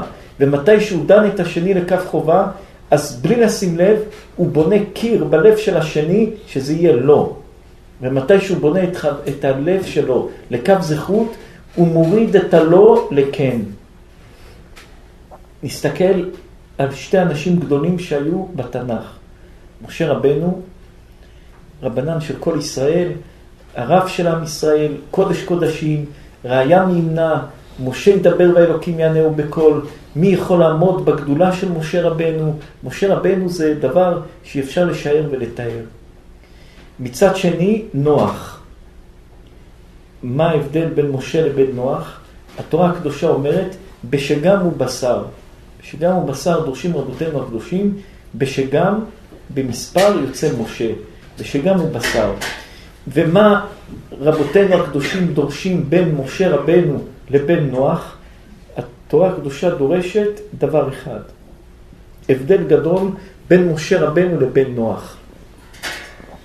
הקדוש ברוך הוא רואה את דור המבול, דור של רשעים, דור של אנשים שחוטאים, דור של אנשים שעושים דברים לא טובים, דור של אנשים שעושים את כל הרע שבעולם. הקדוש ברוך הוא אומר למשה רבנו, לנוח, תבנה תיבה, כי אני הולך להביא מבול על הארץ. מה עושה נוח? 150 שנה בונה תיבה. מביא עצים, בונה עצים, בונה את התיבה, מכין את התיבה, 150 שנה בונה את התיבה.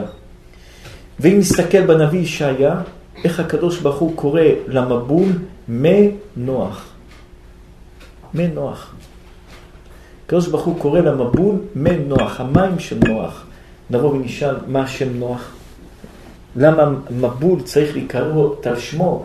הרי המבול זה אחד הזעזועים הגדולים, הקשים, שהיו בעולם. לא היה בעולם משהו בממדים הרסניים כמו המבול. ראינו פצצות באטום בירושימה, בנגסקי, ראינו טבח בעולם, ראינו שואה, ראינו דברים קשים. אבל ממדים שהעולם ייחרף כולו, ובאיזה תיבה קטנה ינצלו שמונה אנשים וכל חיה ובהמה זוגות, חיות טמאות ושבע חיות כשרות ינצלו, לא מצאנו כזה דבר. זה היה האסון הגדול יותר ממגדל בבל, דור ההפלגה, יותר מכל סדום ועמורה, זה רק עיר אחת. ההרס הגדול שהיה מבריאת העולם, חמשת אלפים וכמה שנים, עד היום הזה, התנ"ך יושב על שלושת אלפים וכמה שנים, מבראשית עד uh, סוף הנביאים, חגי, מלאכי וזכריה, זה יושב על שלושת אלפים וכמה שנים התנ"ך יושב. אחרי זה המשנה, הגמרא וכולי, תלמוד בבלי 350 שנה, תלמוד ירושלמי 150 שנה, המבול, התנ"ך יושב על 3,600 שנים לאורך הדורות. בכל התנ"ך כולו, ואחרי כן במשנה, ואחרי כן בגמרא, ואחרי כן הסבוראים, הגאונים, הראשונים, האחרונים, גירוש ספרד, אינקוויזיציה, שואה, הכל, הרגו יהודים שש מיליון אנשים, הרגו דברים קשים, אבל חורבן של כל העולם, שהעולם עולה, נחרב, נשאר שמונה אנשים עם זוג מכל חיה טמאה ושבע מחיה טהורה, לא היה כדבר הזה. זה היה הדבר הקשה ביותר. ועל שם מי קוראים לזה? שם נוח, מי נוח, כי מי נוח. המים האלה נקראים המים של נוח. המבול נקרא על שם נוח. זה לא משהו מכובד לקרוא לאיזה אסון, נבוא ונקרא למגדלי התאומים שנפלו, נקרא להם על שם איזה פקיד שהיה אחראי על, ה, על ה, שדות התעופה, על רשות שדות התעופה, למה הוא לא עצר את המטוס? זה לא, הוא לא ראוי לזה. נקרא טבח שהיה בארץ ישראל על שם איזה מישהו שהיה שם, שהיה אחראי, הוא לא אשם בזה, הוא אשם. זה לא דבר שאפשר לשים על הגף שלו משהו כזה. על שם איזה מפקד שנלחם והציל, לשים על השם שלו את כל האסון הזה, זה לא דבר שעושים. לשים על השם של מישהו את כל השואה, חוץ מהרשעים, היטלר, יימח שמו וכל הרשעים, כן. אבל לשים על נוח שהציל את האנושות, לשים על שמו לקרוא למבול, לקימי נוח, המים של נוח, זה כבד ואכזרי וקשה ולא נוח ולא טוב ולא נאה ולא יאה לשים שם כזה על נוח. למה? על מה? למה?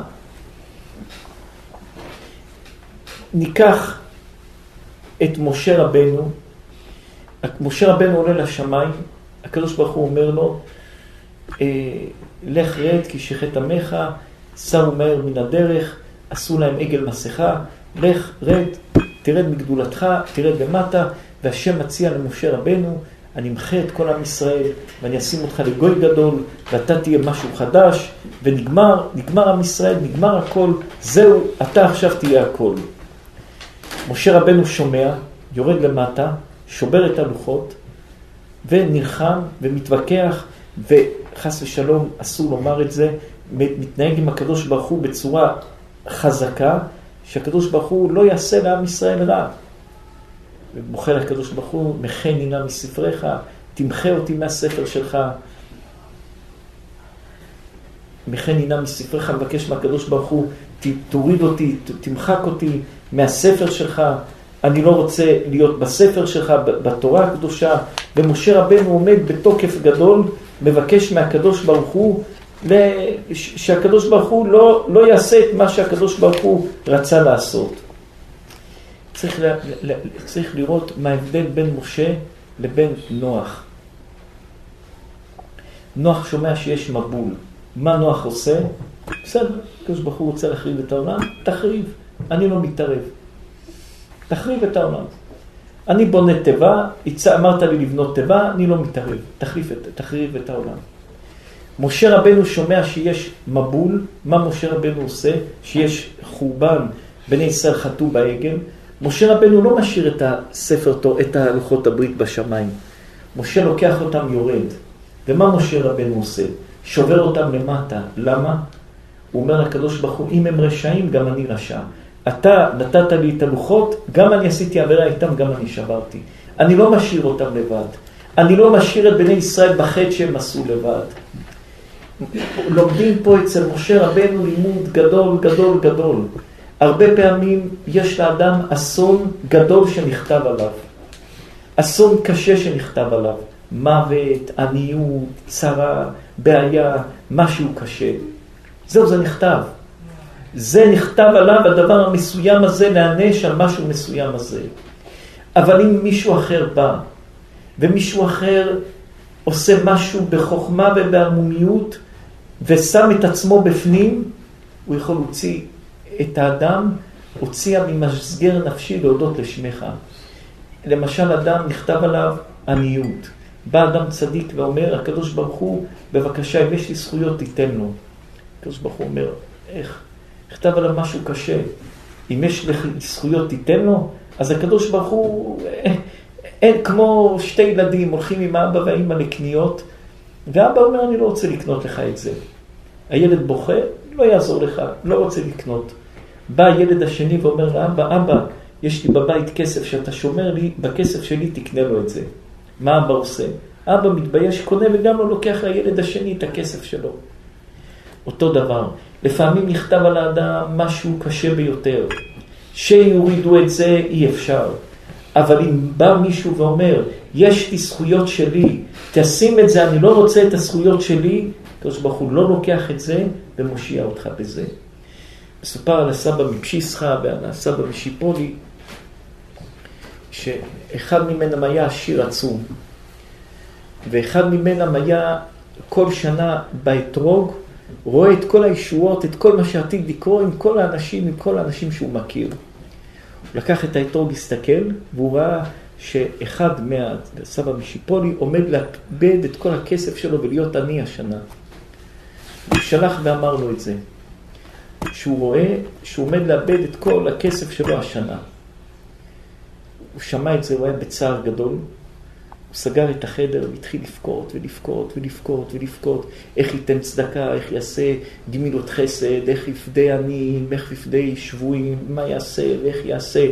אבל מרוב שהוא בכה, בכי גדול ביותר, פתאום באה איזו אישה יהודייה שהייתה עשירה, ולא ידע שהוא במצב קשה ואיבד את הכל ועומד לאבד את הכל. הציע לו לעשות איזה עסק. ואז הוא אמר לה לא, קראו לאותה אישה תמר. הוא אמר לה לא. רק עם חצי חצי אני עושה את העסק. מה היא תעשה חצי חצי? היא שמה את הכל. למה חצי חצי? והוא התעקש, לא, רק חצי חצי. בסוף היא הסכימה ואמרה כן. וחזרה עלה להיות עשיר גדול.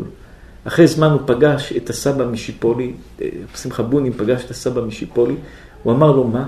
הוא אמר לו, היית בגזר דין של עניות, אבל גזר דין של עניות בלי דמעות. ברגע שבכית, שברת את זה. מתי שנכתב על האדם משהו קשה, אז כן, זה נכתב, זה מה שיש. שימות לו בן, שיפל נכסיו, שיהיה לו משהו קשה, שיהיה לו משהו לא טוב. אבל ברגע שמישהו נכנס ומתפלל עליך, ברגע שאתה מכניס דמעות, ברגע שאתה מכניס משהו אחר, אתה שובר את הדבר הקשה שהיה צריך לקרוא לך. אם כך, כל אחד מאיתנו לא יודע מה קשה נכתב עליו. השנה, עוד חודש, עוד זמן, אף אחד לא יודע מה דבר קשה נכתב עליו. על ידי שמישהו ילמד עליו זכות, על ידי שמישהו יתפלל עליו, על ידי שהוא ישבור את הלב, על ידי שהוא יבכה, הוא יכול לשבור כל דבר קשה שנכתב עליו בחיים. אותו דבר נוח. נוח הקדוש ברוך הוא גזר שיהיה מבול לעולם. הוא יכל לשבת, לבכות, לעורר רחמים, לעורר מידת הרחמים, לשנות את הכל ברחמים, אבל הוא לא היה בשגם הוא בשר כמשה, הוא ישב. הוא ישב, הוא לא עשה כלום. הוא ישב ולא עשה כלום. המבול נקרא מנוח. אם ניקח מנוח, איזה מילים יוצא?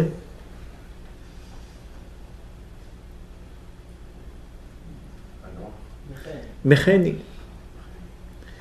משה רבנו שאמר לקדוש ברוך הוא, מחני נא מספריך, זה לתקן את מי נוח, את המים של נוח, שנוח לא עמד והתפלל ושבר ושבר שערי שמיים וצעק והפך את הכל, לא. המחני נא מספריך שמשה עמד ונלחם, זה תיקן את המנוח של נוח שישב בשקט ולא עשה כלום. מי, מי רוצה צדיקים לומר דבר?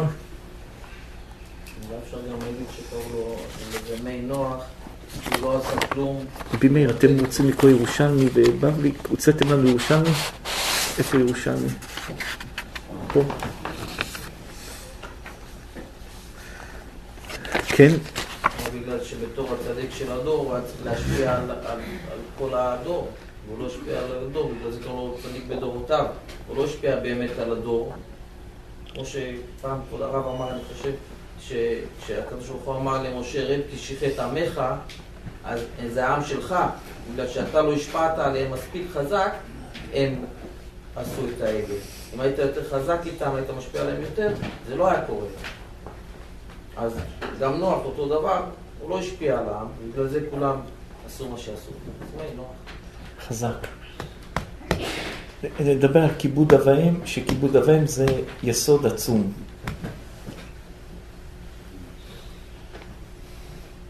תתחילו בגמרא בקידושין רבי מאיר. קודם קידושין בבבלי. הגמרא אומרת, מה זה כיבוד אב ואם? רב- רבה אמר, מאחר ראש דבריכם. כן. אמת ראש דברך ולא סוף דבריך. אין מוסיף דברך נק- נקרא שראש דברך אמת. באו מיני מרבולה עד אחד באו מיני מרבונה. עד היכן עד אחד כיבוד אב. כיבוד אברהם. באו מיני שאלו את רבונה עד איפה, מה המקום, עד איפה המקום של כיבוד אב ואם. אמר להם צאו ראו מה עשה אמר להם, רבונה אמר להם, תצאו ראו מה עשה, עובד כוכבים אחד באשקלון. תשימו לב צדיקים, מה עשה עובד כוכבים אחד. מה זה עובד כוכבים? עובד עבודה זרה. עובד כוכבים, עובד מזלות, עובד כוכבים, עבודה עבודה זרה. מסע עובד כוכבים אחד, באשקלון. תחשבו גם למה דווקא אשקלון. ודמה בן נתינה שמו. ואיך קראו לאותו אדם? דמה בן נתינה. פעם אחת ביקשו חכמים פעם אחת ביקשו חכמים, פרקמטיה בשישים ריבו אה, שכר. פעם אחת ביקשו חכמים פרקמטיה, רצו לעשות עסק ב-60 ריבו שכר, סכום עצום של כסף, מיליוני דולרים. רצו לעשות עסק, לקנות יהלום לבית המקדש, לקנות עסק שעולה מיליוני דולרים. והמפתח מונח תחת... והמפתח של האוצר, של הכספת, של אבא שלו היה מונח תחת, תחת מרשותיו של אביו, תחת ראשו, ואבא היה יושן. ולא ציירו. הוא לא העיר את אבא שלו, אבא קום, באו לדפוק, לבקש אה, אה, לקנות יהלום, והיהלום בכספת, אני רוצה להוציא את המפתח לקנות יהלום. אמר רבי יהודה אמר שמואל, אמר רבי יהודה אמר שמואל, שאלו את רבי אליעזר, שאלו את רבי אליעזר, עד היכן כיבודיו? עד היכן כיבודיו, עד איפה מגיע כיבודיו, עד כמה אדם צריך לקבל את כיבודיו. אמר להם, צאו וראו מה עסק עובד כוכבים אחד לאביו באשקלון. אמר להם, תצאו ותראו מה עשה עובד כוכבים אחד לאבא שלו באשקלון. ודם בן נתינה שמו. בדמה בן נתינה שמו, ביקשו ממנו חכמים אבנים לאפוד, בשישים חכמים ביקשו ממנו אבנים לקנות לאפוד, נאבד, אבן, אשפה, אבן של בנימין, אבן לאפוד, בשישים ריבו שכר, ב-60 ריבו שכר, ורב, ורב כהנא מתנה בשמונים ריבו. ורב כהנא אומר 80 ריבו, הרבה יותר כסף. והמפתח מונח, מונח תחת מרשותיו של אביו, והמפתח היה מונח מתחת לרשותיו של אביו, ולא ציירו. לא צייר אותו. בשנה אחר, האחרת שנה הבאה נתן לו הקדוש ברוך הוא שכרו, היה לו נס, שכר, וזכה שתיוולד לו. שנולדה לו, אה, לו, לו פרה פרה אדומה. בעדרו. באו אליו חכמים לקנות את הפרה האדומה, נכנסו חכמי ישראל אצלו, אמר להם, יודע אני בכם שאם אני מבקש מכם כל... אמר להם, אני יודע שעל פרה אדומה יש רק עשר פרות אדומות מבריאת העולם, אחד עד שיבוא המשיח. אני יודע שאם אני אבקש כל סכום בעולם תשלמו. שמה פרה אדומה מתקנת? עבודה זרה. כן? אלא אין אני מבקש מכם, אני לא מבקש רק מה אלא שהפסדתי. את המקום שהפסדתי, בשביל כבוד אבא. בשביל כבוד של אבא. כן? ואמר רבי, רבי חנינא, ומה, ומה מי שאינו מצווה ועושה, כך מצווה ועושה, על אחת כמה וכמה. זה הגמרא בקידושין. רבי יואל תיקחו ירושלמי. כמה שאלות נשאל על הגמרא בקידושין. שאלה ראשונה,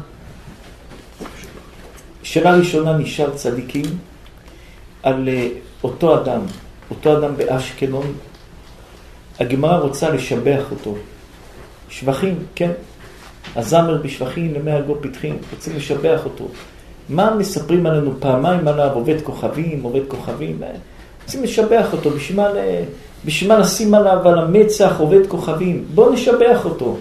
משבחים בן אדם שעושה כיבוד אב ואם יפה, אז נשבח אותו כמו שצריך.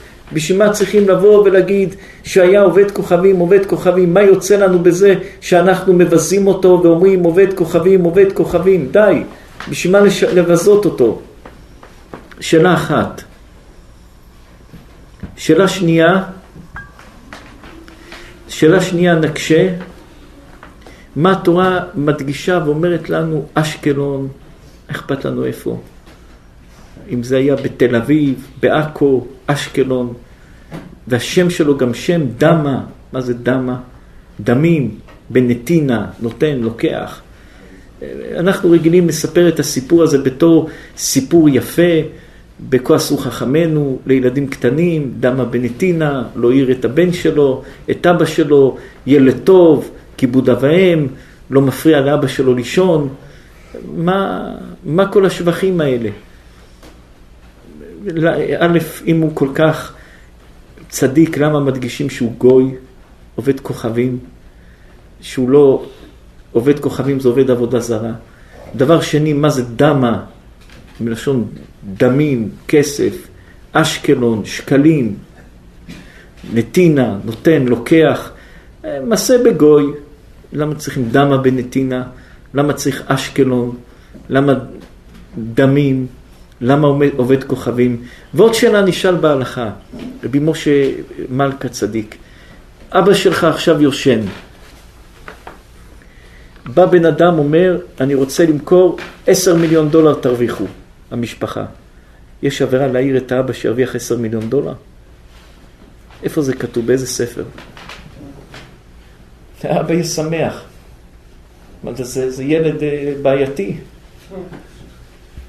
עשר מיליון דולר, יהלום, הרבה כסף, האבא ילד הזה, ילד בעייתי, לך תעיר אותו.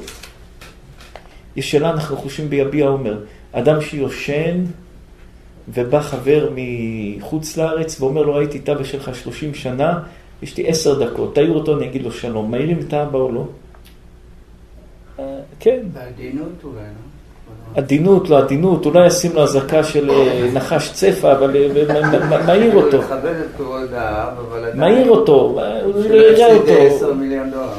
ועכשיו בן אדם בא, עשר מיליון דולר, רוצה להרוויח, תודה רבה, תעיר אותו, ימכור את היהלום, תעיר אותו, מה ההצטדקות הזאת? מה, תהיו צדיקים איפה שצריך להיות צדיק, מה הסיפורים האלה? זה הדבר שהוא לא עובר,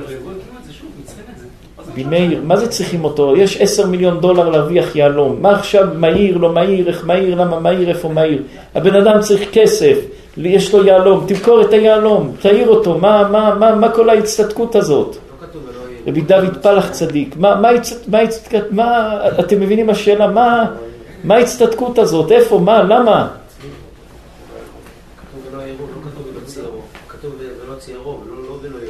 הוא לא מכר, לשנה הבאה באו וכך וכך וכך, הוא לא מכר, לא, לא מכר, תמכור, תעיר אותו, מה, מה הסיפור? רבי בצלאל, מה הסיפור? עשר מיליון דולר יהלום, תודה רבה, אבא התעורר, עם עשר מיליון דולר הוא יישן בלילה יותר טוב.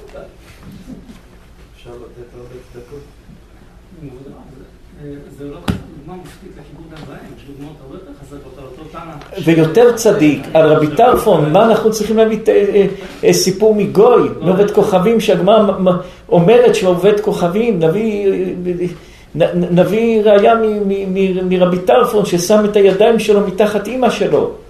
אנחנו צריכים ראיה מגוי.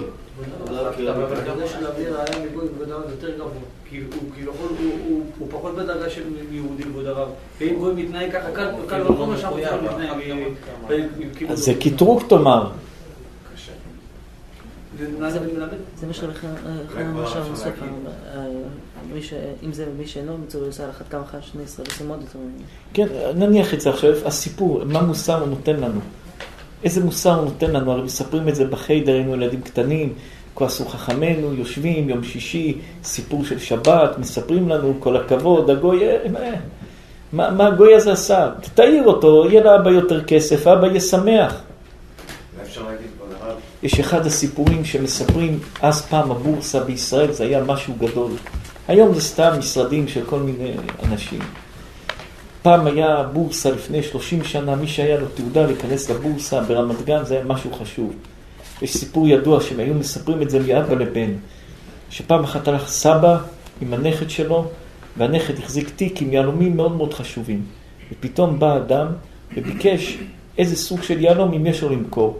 עכשיו הנכד יודע שזה בתיק, הסבא שומע ומתפעל, אה, איפה אפשר להשיג את זה, זה משהו רציני, זה יהלום חשוב, יהלומים חשובים, זה הרבה כסף. הנכד אומר, זה בתיק, למה הסבא אומר כך? מתי שהאיש הזה עזז, הסבא, הנכד שואל את הסבא, סבא, זה בתיק שלנו היהלומים האלה, למה לא מכרת לו? הוא אמר לו, האיש הזה איבד פעם את הבושה עם מישהו אחד, ומי שמאבד את הבושה, לא עובדים איתו, אין לו בושה יותר. אנשים שמאבדים בושה וכבר לא אכפת להם לשקר או לא לעמוד במילה או לומר דבר לא נכון, לא עובדים איתו יותר. היום זה כבר השתנה, אבל זה יסוד גדול. אדם שאיבד את הבושה ואין לו בושה, גם אם יחזור חלון שנשבר, יש אנשים ששוברים חלון. חלון שנשבר, אדם שאיבד בושה, אז תדע משהו עמוק קרה אצלו. משהו עמוק קרה אצלו, אל תמכור לו את היהלום. היום הוא ככה איתך, מחר הוא יעשה לך עם מישהו, ייקח את היהלומים ומחר יעשה לך משהו יותר חמור. מי שאיבד את הבושה פעם אחת, אל תעשה איתו עסק פעם שנייה. אולי אפשר לומר כל כמה שהשם זימן לי את זה, אז הוא הביא לי את זה גם בזמן שאני יודע לאבא שלי. בגלל שאחרי זה קיבל את זה בזמן של זה. מה צדיק? כל כמה, שהשם זימן לי את זה, את היהלום, הוא הסתכל שאין הפרעה, והוא רואה שיש הפרעה מצד אבא שלו, אז הוא אמר, אני אחכה. לא מדברים פה רבי בצלאל על איזה צדיק, על איזה קדוש. הבן אדם הזה, דופקים אדם, דופקים החכמים, דופקים הכהנים, דופקים מהמקום של בית המקדש, רוצים יהלום, יש, תיתן, קח כסף, יש לך גם זכות, מכרת לבית המקדש, תודה רבה, יש לך זכות, תהיה חשוב מאוד. מה, מה, מה הסיפור הזה? לא אבא שלי יושב, אני לא יכול, תעיר אותו, תרוויח כסף, 80 רובל, 60... ריבו של מטבעות. מה, מה, מה הצדקות? מה הצדקות הזאת? תדעו, זה יסוד עצום, תחזיקו טוב טוב ראש, זה יסוד עצום. גם כל אחד איך הוא חושב, איך הוא חושב. בנימין צדיק, בנימין. תספרו עד חמש. אתם רואים? תסתכלו צדיקים. איך יהודי סופר? אחת, שתיים, שלוש, ארבע, חמש. איך פרסי סופר? אחת, שתיים, שלוש. היהודי סופר ככה, העולם סופר ככה, הפרסי בן, איך סופר? הפוך. חושבים הפוך, תראו, מה אמרנו לכם בשבת? מהבדיקות שאנחנו עושים, הפרסים סופרים ככה, היהודים סופרים ככה. הפוך. אחד, שתיים, שלוש. כי תמיד, איך, מה לוקחים, מה חושבים, והשני אומר, איך אני חושב. זה, זה, אין, זה הקדוש ברוך הוא, אדם רק צריך לדעת את ה... איך החיים עובדים, וזה בדיוק הולך. רבי בנימין ככה, ו...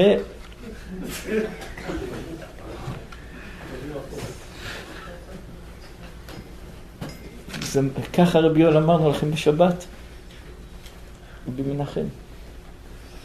אחד, שתיים. איך בפרסית סופרים אחד? מה זה אחד? יקי? יקי. כמו יקה. ושתיים? טו. ובצרפתית, מי יודע צרפתית? לא, אבל מתי שרוצים להגיד 62, איך אומרים? 50 ועוד 12. כן? 50 ועוד 12, לא אומרים 62, אנחנו לא בטוחים. 50 ועוד 12, 50 ועוד 14, ככה זה 64. הכל מתוסבך. אז ככה סופרים בעולם וככה הפרסים סופרים, הפוך. הנה אמרנו, אמרנו, אנחנו נבדוק עם בנימין, והנה. נו, אז אה, רבי רחם, רבי רותם תמכור, תרוויח כסף, נו, מה? מי, זה צדיק אנחנו לא רואים? מי? מי? דוד מה? רבי דוד ניאזוב הצדיק, האהוב והחביב. במסכת עבודה זרה, חושב בעמוד ו', זה מלמד אותנו שיש לפני המועדים של הגויים.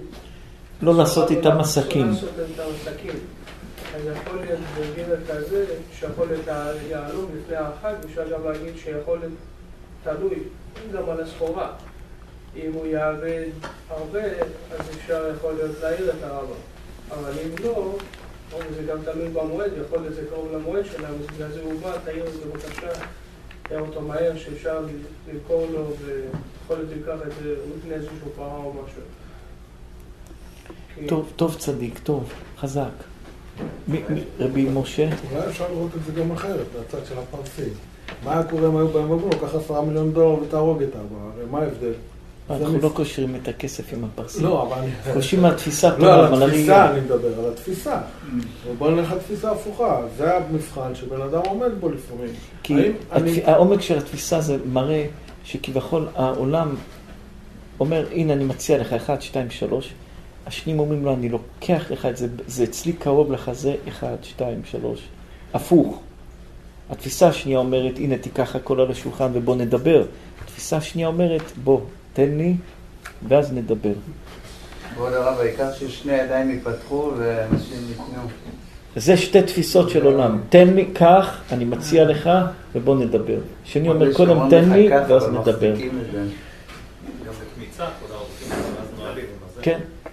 כביכול תן לי, ואחר כך נדבר. פה תציע, אני מציע, ובוא נדבר. פה תן לי קודם. אולי אפשר כבוד הרב להגיד ש... מה צדיק? אדם נולד עם יד סגורה, נפטר עם יד פתוחה.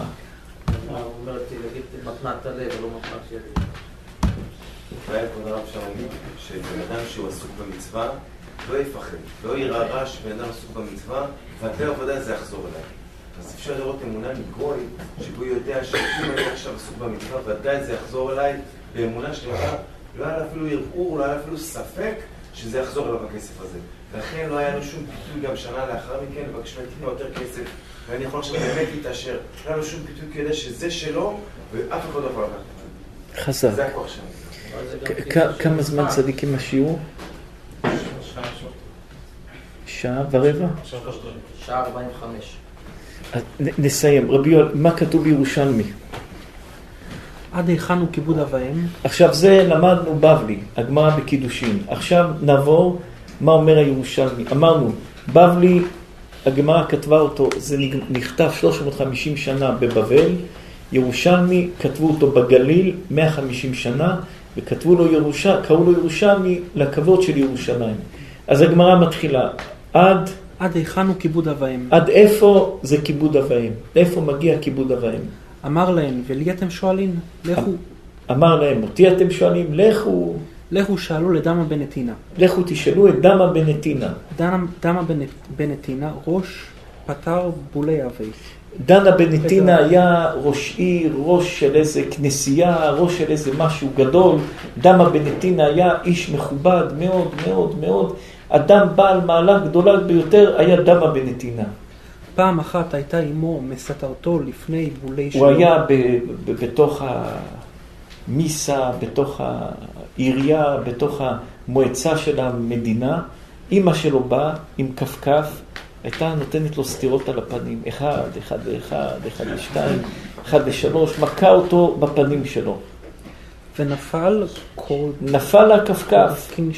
נפל לה הכפכף. הרים לה את הכפכף, החזיר לה ביד, תמשיכי לתת לי מכות. כדי שלא תצטער. למה? שאימא שלו לא תצטער. החליטה להרביץ לו, נתנה לו כמה סטירות עם הכפכף, ורבי מאיר, הרביצו לכם פעם עם כפכף? אף פעם.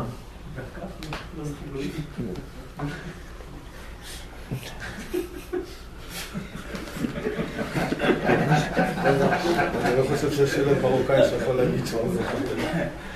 נתנו לו מכות עם הכפכף, וקיבל מכות עם הכפכף, אימא שלו נפל הכפכף מהיד, והוא במחווה טובה לאימא שלו, הרים את הכפכף, החזיר לה ליד, תמשיכי לתת מכות.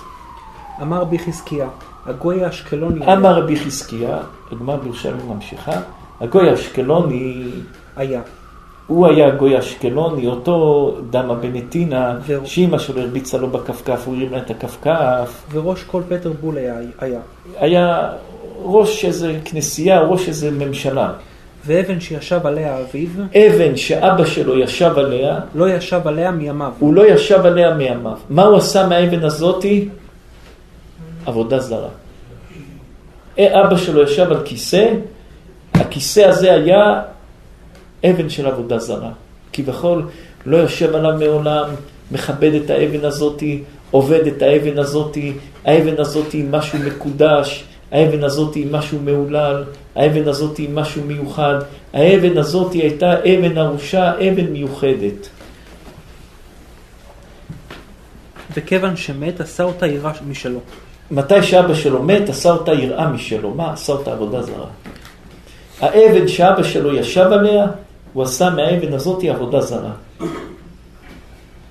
פעם אחת עבדה ישפה של בנימין, פעם אחת עבדה אבן של בנימין, ישפה, ישפה זה אבן שחורה, אבן ישפה, כן? אמרין, מאן דאית לי תאווה דקבתי, אמרו מי שיש לו אבן כזאתי למכור לנו לחושן של בית המקדש, אמרין דאית לדמה בנתינה. אמרו יש לדמה בנתינה, באיש העשיר מאשקלון, את האבן הזאת.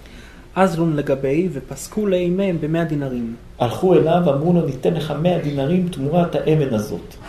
סליק בא מיתת הלאון ואישכח לאבויי דמך ואי הלך לאבא שלו לראות איפה המפתח של הכספת, וראה שהכסף, המפתח נמצא מתחת לראש, באצבע, באיזשהו מקום. אה, סליק בא אה, ואשכח לאבויי דמך ואי דאמרין מפתחה דתיבותא אבייב גבי אצבעי דאבויה. באצבע, מתחת לראש, איפה היה... ואי דאמרין רגלי עבדו. ויש אומרים שזה היה מתחת לרגל שלו. עכשיו, להוציא את המפתח מהאצבע זה קל. להזיז לו את הרגל שהוא יושן זה קל, אבל הוא לא נוגע. מקודש, לא נוגע. מפתח של אבא שלו, כיבוד אב ואם, הוא לא מפריע, לא נוגע בכיבוד אב ואם. נחת לגביהון, אמר לאון לא יכיל, ירד לחכמים ואמר להם, לא יכיל מיתת הלכון. אני לא יכול לתת לכם את האבן. אמרין דילמה דהו באי פריטי. אמרו, בטח הוא רוצה הרבה כסף, לעלות במחיר. אסיקנה למאתיים, אמרו לו 200 דינרים. אסיקנה לאלף. הגיעו עד אלף, לא רוצה. כיוון דהיתיה רביב מן שנתה, אבי, אבא שלו התעורר מהשינה, סליק, סלק ואייתיתה. אמר להם, אני אמכור לכם לא אלף, מאה מה שביקשתם. אני על כיבוד אביים לא מרוויח כסף. בשנה הבאה, אותו לילה, באו מיתן לי כתפסקו לאחרי, ולא קביל, לא קביל אמר, אמר מה אנא, מז בן הלכון, מה שביקשתי מאה בהתחלה, זה מה שתיתנו לי. לא מרוויח אלף, לא מרוויח כלום. איני איני נהנה מכב- מכבוד אבותיי כלום. אני לא נהנה מכבוד אביים כלום. מה פרה לו הקדוש ברוך הוא שכר? מה השם נתן לו שכר על מה שעשה? אמר רבי יוסי בי רבי בון, בו בלילה ילדה פרתו האדומה, ילדה, ילדה פרתו אדומה, ושקלו לו ישראל משקלה זהב, ושקלו, באותו לילה הפרה שלו ילדה פרה אדומה, ובעם ישראל שקלו לו באותו לילה סכום גדול של כסף, ושקלוה. ואיזה סכום הוא רצה? אמר בשבתאי, כן? אמר בשבתאי, כתיב ומשפט, ורב, ומשפט ורב צדקה לא יענה, לא יענה. אין הקדוש ברוך הוא משה מתן שכרה של עושה מצ, מצוות בגויים, בגויים. אנחנו רוצים צדיקים לשאול שאלה חזקה. רבי רוטשילד, מה הסיפור של אותו דמה בנתינה? אנחנו חושבים שאימא קצת לא בריאה, שבאה לעירייה או לממשלה ולוקחת נעל ונותנת לבן שלה סטירות בפנים, היא מבזה את עצמה, כן? זה לא כבוד. ואם נופל לה הנעל, צריכים שמישהו ידחוף את הנעל בין הכיסאות, שהיא לא תמשיך בביזיון הזה. מה הוא עושה? מה, מה הוא עושה? הוא שם פרוז'קטור על אימא שלו שהיא משוגעת. לצעוק, לבוא עם נעל והרביץ לבן שלה בבית, בעירייה, במועצת העיר, בממשלה, בכנסייה. זה ביזיון, זה לא יפה. מה אימא שלו עושה? זה לא מכובד. רבי יעקב, זה לא מכובד. זה לא מכובד. זה לא מכובד, זה לא מכובד.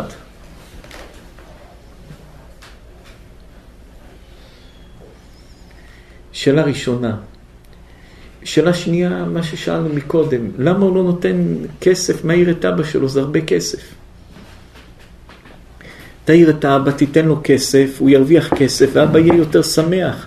הרי השינה תמיד אפשר לישון. ועם כסף זה שינה תהיה שינה יותר ערבה. למה הוא לא מעיר אותו? ומה מה, מה הגמרא פוגמת בו ופוגעת בו ואומרת עובד עבודה זרה, עובד כוכבים. והגמרא אומרת שאת הכיסא שאבא שלו ישב, הוא קידש אותו, הוא לא ישב עליו. אנחנו רוצים צדיקים לומר פה יסוד עצום, שבבקשה צדיקים ת, ת, תוחקו אותו בדעת לזיכרון עולם בעבודת השם חזקה ביותר. מה זה עבודה זרה? עבודה זרה שאדם לוקח משהו ומקדש אותו מעבר למה שהתורה ציוותה אותנו. התורה ציוותה אותנו ציווי מסוים, שאנחנו צריכים לקיים את הציווי בגלל מה שהשם ציווה אותנו. כיבוד אב ואם זה הדיברה החמישה, החמישית, אנחנו מקיימים כיבוד אב ואם כי השם ציווה אותנו לקבל, לקיים כיבוד אב ואם. אנחנו לא אוכלים חזיר, לא בגלל שזה לא טעים, אפשי ואפשי, אלא שבורי אמר לי לא לאכול את זה. אנחנו לא רוצחים לא בגלל שזה לא התרבות של העולם לא לרצוח, אלא משום שהשם אמר לא לרצוח. אנחנו לא גונבים לא משום שאנחנו, התרבות שלנו אומרת לא לגנוב, אלא משום שהשם ציווה לא לגנוב. כל המצוות שהשם ציווה אותנו, יהודי מצווה, מקיים אותם בגלל מצוות השם. כיבוד אב ואם, אדם יכול לעבוד, לקיים מצוות כיבוד אב ואם, והכיבוד אב ואם שהוא מקיים, היא בכלל בגדר של עבודה זרה. היא לא בגדר של כיבוד אב ואם. אדם שנכנס בכיבוד אב ואם לאיזשהו עולם שהוא עושה את זה בתור איזה מצווה שנקרא לה במילים של היום בפנאטיות, שהיא לא מצוות כיבוד אב ואם, אלא הוא יכול להעיר את אביו ולקחת כסף. לא, אבל אצלו זה עבודה זרה, הוא לא מעיר את האבא. הוא יכול ללכת ולשבת על הכיסא של אביו, הוא לא יושב. למה? כי זה אצלו לא משום כבוד, זה כיבוד, זה כמו עבודה זרה. אימא שלו מרביצה לו, יכול להגיד לה תפסיקי, זה לא הכבוד שלך, תורידי את זה, זה נפל, תרחיק את זה, הוא מחזיר לה, תתני לי עוד מכות. זה לא כיבוד אב ואם, זה עבודה זרה. האדם הזה לקח את הכיבוד אב ואם שלו לקדש אותו בתור ערך עליון של עבודה זרה. כיבוד אב ואם יש לו כללים בתורה איך עובדים מצוות כיבוד אב ואם.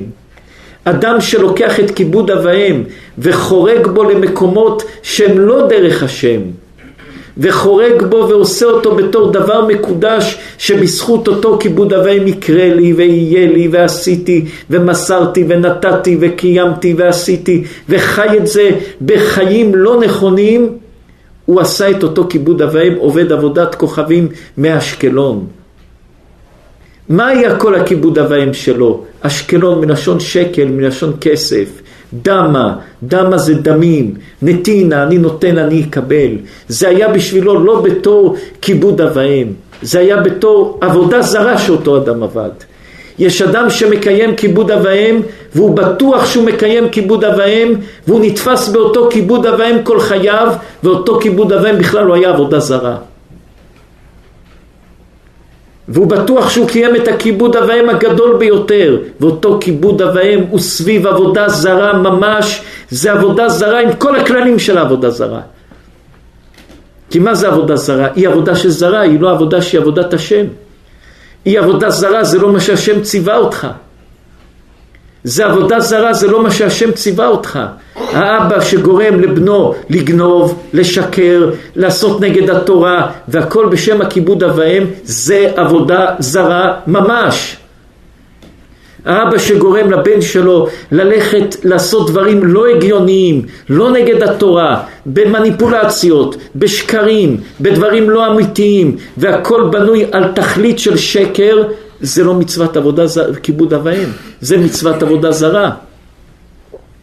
האדם שותף לעבודה זרה.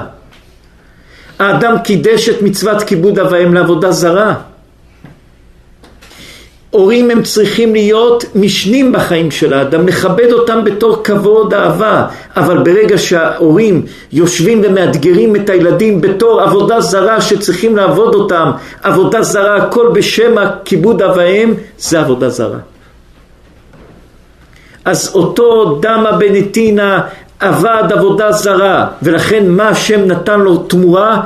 פרה אדומה, שמה פרה אדומה מכפרת? על עבודה זרה. כי כל המהות של דמה בנתינה מה היה? כיבוד אב ואם, שזה לא כיבוד אב ואם אמיתי של כיבוד אב ואם.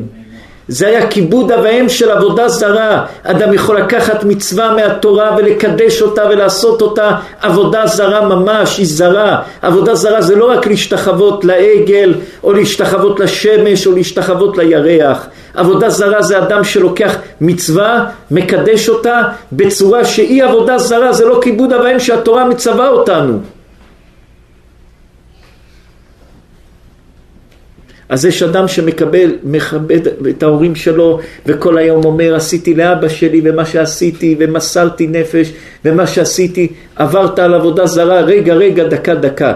אולי זה לא עבודה זרה שהשתחווית לעגל אבל יש שמה כן עבודה זרה שלא היית הגיוני ומציאותי למצוות כיבוד אב ואם לא היית מציאותי למצוות כיבוד אב ואם, הכנסת ושזרת בתוך אותה מצוות כיבוד אב ואם עבודה זרה. עבודה שהיא לא עבודה אמיתית, עבודה שהיא זרה. וזה מה שהעמדה מבנתינה. ולכן התורה אומרת עובד עבודת, עבודת כוכבים. כיבוד אב ואם שלו היה כוכבים. ולכן התורה מביאה את זה. לא למעליותא שנאמר שזה למעליותא שכך צריך לקיים כיבוד אב ואם. אלא זה כיבוד אב ואם שגודר בעבודה זרה. ואת זה התורה מזהירה אותנו. אל תעשה כזה כיבוד אב ואם.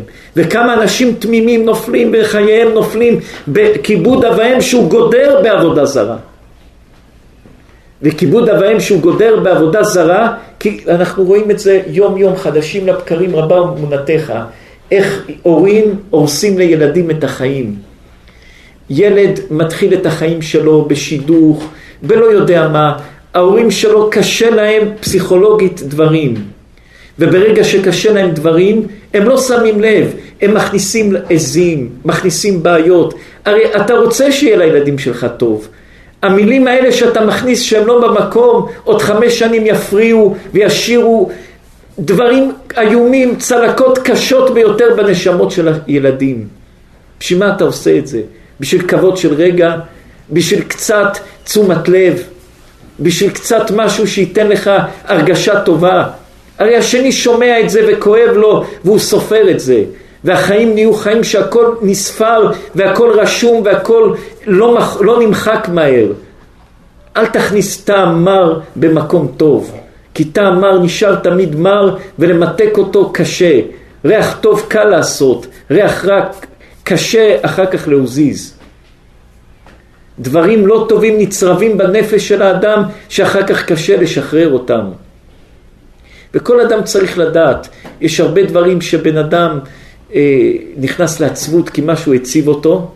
כל בן אדם שפתאום נכנס לעצבות או מראה שחורה או משהו לא טוב. דיברנו את זה בשבת קודש עם מבט הצדיקה שלנו יהודית. כל בן אדם יש לו אה, שתי מצבים שבן אדם נכנס למצב עצבות ולא טוב. מצב אחד שמשהו לא נוח לו. משהו יכול להיות עין הרע פגע בו, משהו לא נוח לו, משהו לא טוב לו. משהו לא טוב לו אז הוא עצוב. ומצב שני זה לא קשור כלום לסביבה. אדם יכול לשבת בשיעור והכל טוב אצלו, ופתאום איזה משהו דחף נפשי, משהו בראש, איזשהו חומצה בראש, מאיזה בלוטה בראש יוצאת ועושה אותו מדוכדך, עצוב, עצבני. תשאל אותו על מה הוא עצבני, הוא לא יודע. אז מתי שאדם נמצא במשברים קשים, זה או הוא מאותגר באיזה בעיה בחיים שזה מפריע לו, או שהוא לא מאותגר בכלום. הוא בונה לעצמו איזה אתגר, אבל משהו פנימי דוחף לו ומזריק לו לכל הנפש משהו לא טוב שמרעיל אותו וגורם לו חששות, עצבויות, דכדוכים, דברים לא נוחים, דברים לא טובים. היה פעם, לפני שנים, איזושהי תרופה שהיו משתמשים בה ללחץ דם. וכל בן אדם שהיה שותה את התרופה הזאתי, בדקו, אחרי זמן, הוא היה סובל מעצבות ודיכאון ודכדוכים קשים. ולא הבינו למה, ובסוף הבינו למה, שאותו הצ... כדור, שזה היה אותו תרופה, היא הייתה גורמת לאדם לעצמות. אז הוא היה מוריד את, ה... את, ה... את הלחץ דם, אבל הוא היה בונה לעצמו עצמות. הרבה תרופות שאתה שותה ללחץ דם, או לכאב בטן, או למשהו אחר, הוא גורם לך לעצמות, הוא גורם לך לדיכאון, הוא גורם לך למשהו אחר. משהו שאתה אוכל, שאתה לא יודע מה הוא אוכל, הוא מרים אצלך רמה של משהו אחר, שגורם לך משהו אחר. אז אדם שנמצא במצבים, במשברים, בעצבות, בשמחת יתר, בעצבות יתר, בדברים אחרים, דבר בא על חשבון דבר. ואם לא תדע איך לאזן את החיים בצורה נכונה, אתה יכול להיות פתאום עצבני, פתאום רגוע, פתאום ידידותי, וזה בכלל לא אתה. גם אל תיפגע ממנו, כי הוא ידידותי עכשיו, זה באמת הוא לא ידידותי, זה משהו שאצלו בעלייה הוא ידידותי, ומחר הוא תקיף, זה לא הוא, זה משהו שדחף אותו להיות תקיף. בקיצור, נהיינו אה, מסכות, כולם לובשים מסכות, פעם מסכה יפה, פעם מסכה לא יפה, וכבר לא יודעים איפה לשים את המפתח של האדם בשני, כי פעם הוא נמצא בעלייה, פעם הוא נמצא בירידה, פעם משהו שמח עולה לו לראש, פעם משהו עצוב עולה לו לראש, פעם משהו של נתינה עולה לו לראש, ופעם משהו של עצבות עולה לו לראש. וכמה שאדם ינסה יותר לדעת ולאזן את עצמו ולתפוס את עצמו, לשים מעצורים לעצמו. עכשיו אני יותר מדי שמח על מה? מה זה? זה משהו שגרם לי להתלהב ולהיות שמח מדי, אז אני לא בסדר. השמחה הזאת לא בריאה, היא תבוא לי אחר כך בנזק. אני עצוב ואני אפגע סתם באנשים, זה לא אמיתי. זה ירד עוד מעט וסתם אני אקלקל עם אנשים. אדם צריך לשים חדר בקרה בנפש שלו. על הדחפים שלו, על ההתנהגות שלו, על המעשים שלו, ו- ולסנן את מה שהוא מתנהל בחיים. וזה כל מה שהמסילת ישרים והאורחות צדיקים והספרי מוסר נותנים לנו מוסר, לשים מסננת ולשים מחסום בלב ובמחשבה של האדם. והנה אדם חושב שהוא קיים מצוות כיבוד אב ואם, הוא יושב עם ההורים ודואג להורים, והוא לא בגדר של כיבוד אב ואם, הוא לא עושה כיבוד אב ואם כי זה מצוות התורה, שבתורה כתוב כבד את אביך ואת אמך למען יאריכון ימיך, ומי שיוציא את הרמב"ם יראה מה הרמב"ם אומר על כיבוד אב ואם, איך לכבד את האבא ואיך לעשות לאבא ואיך, וגם בסוף הרמב"ם אומר שהאבא לא יאתגר את הבן בדברים שהם לא מציאותיים, ויגרום לו לעבור על כל הדברים של כבד אב ואם, כיבוד אב ואם, זה דבר שיש לו שתי קצוות. אבל אדם שמכבד את ההורים, מכבד את ההורים בצורה שהיא עבודה זרה, שזה דברים חריגים, שהם דברים שהתורה לא ציוותה, והאבא דורך, מדרדר אותו, והאימא לדברים של חורבן, זה עבודה זרה. זה עבודה זרה. אדם צריך להיות מאוד ערני בכיבוד אב ואם, שזה יהיה בגדר של כיבוד אב ואם, ולא בגדר שלוקח את האדם לעבודה זרה. כמו אותו דמה בנתינה מאשקלון שהיה עובד כוכבים, מאיפה בא לו העובד כוכבים? מהכיבוד אב ואם. אז גם בכיבוד אב ואם שעל זה נאמר למען יאריכון ימיך, שזה אחד המצוות שנאמר עליה למען יאריכון ימיך. תהיה ערני שזה לא ייקח אותך להיות עובד כוכבים. רבי רותם זה פחד פחדים. מי, מי, מי רוצה, בבקשה צדיקים, תחזרו על התורות, על השיעורים, זה עולם, עולם, עולם. כמה זמן צדיקים השיעור? מחר ב-12 שיעור, מי, מי רוצה צדיקים לומר עוד דבר?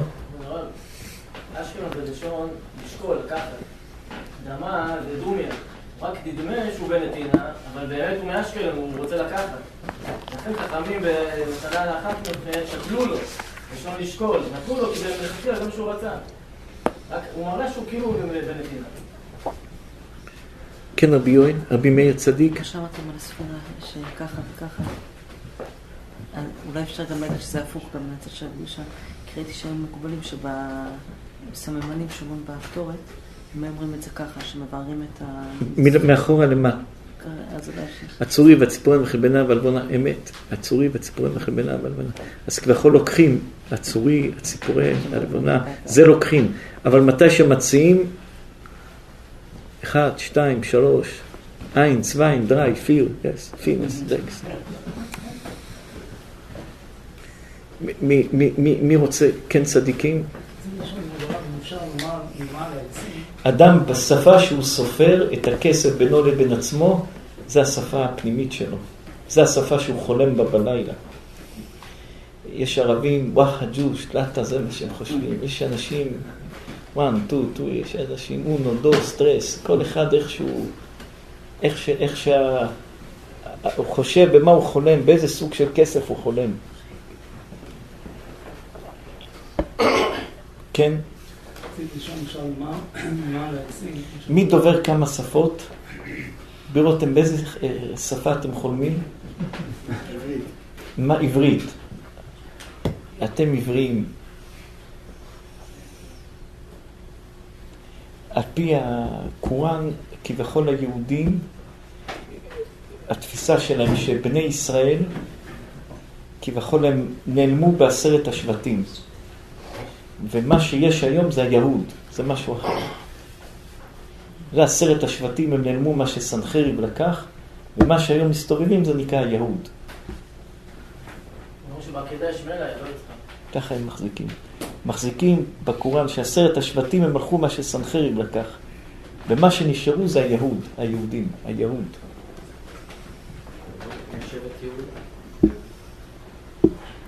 שהם מחזיקים. מה הם מחזיקים? נשאיר את זה לעצמנו.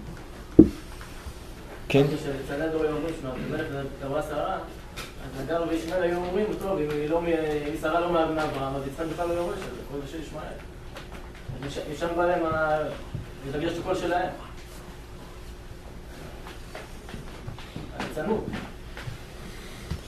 נעשה סיכום של הדברים. התחלנו בלוט. שלוט, צחוק של החתנים שלו תרסו את הכל, לוט התמהמה, אשתו הסתובבה אחורה, ניתן נציב של מלח, אדם צריך להסתכל קדימה ולא אחורה, מי שמסתכל אחורה נהיה נציב, עומד במקום וגם של מלח, זה אחד. המשכנו דבר שני, המשכנו דבר שני עם משה רבנו, בשגם הוא בשר, עם נוח, משה רבנו התפלל על בני ישראל שהקדוש ברוך הוא יסלח להם, שבר את הלוחות, ומתי קרנו אור פניו? בלוחות שניות, לא בלוחות הראשונות. הוא ידע להקריב.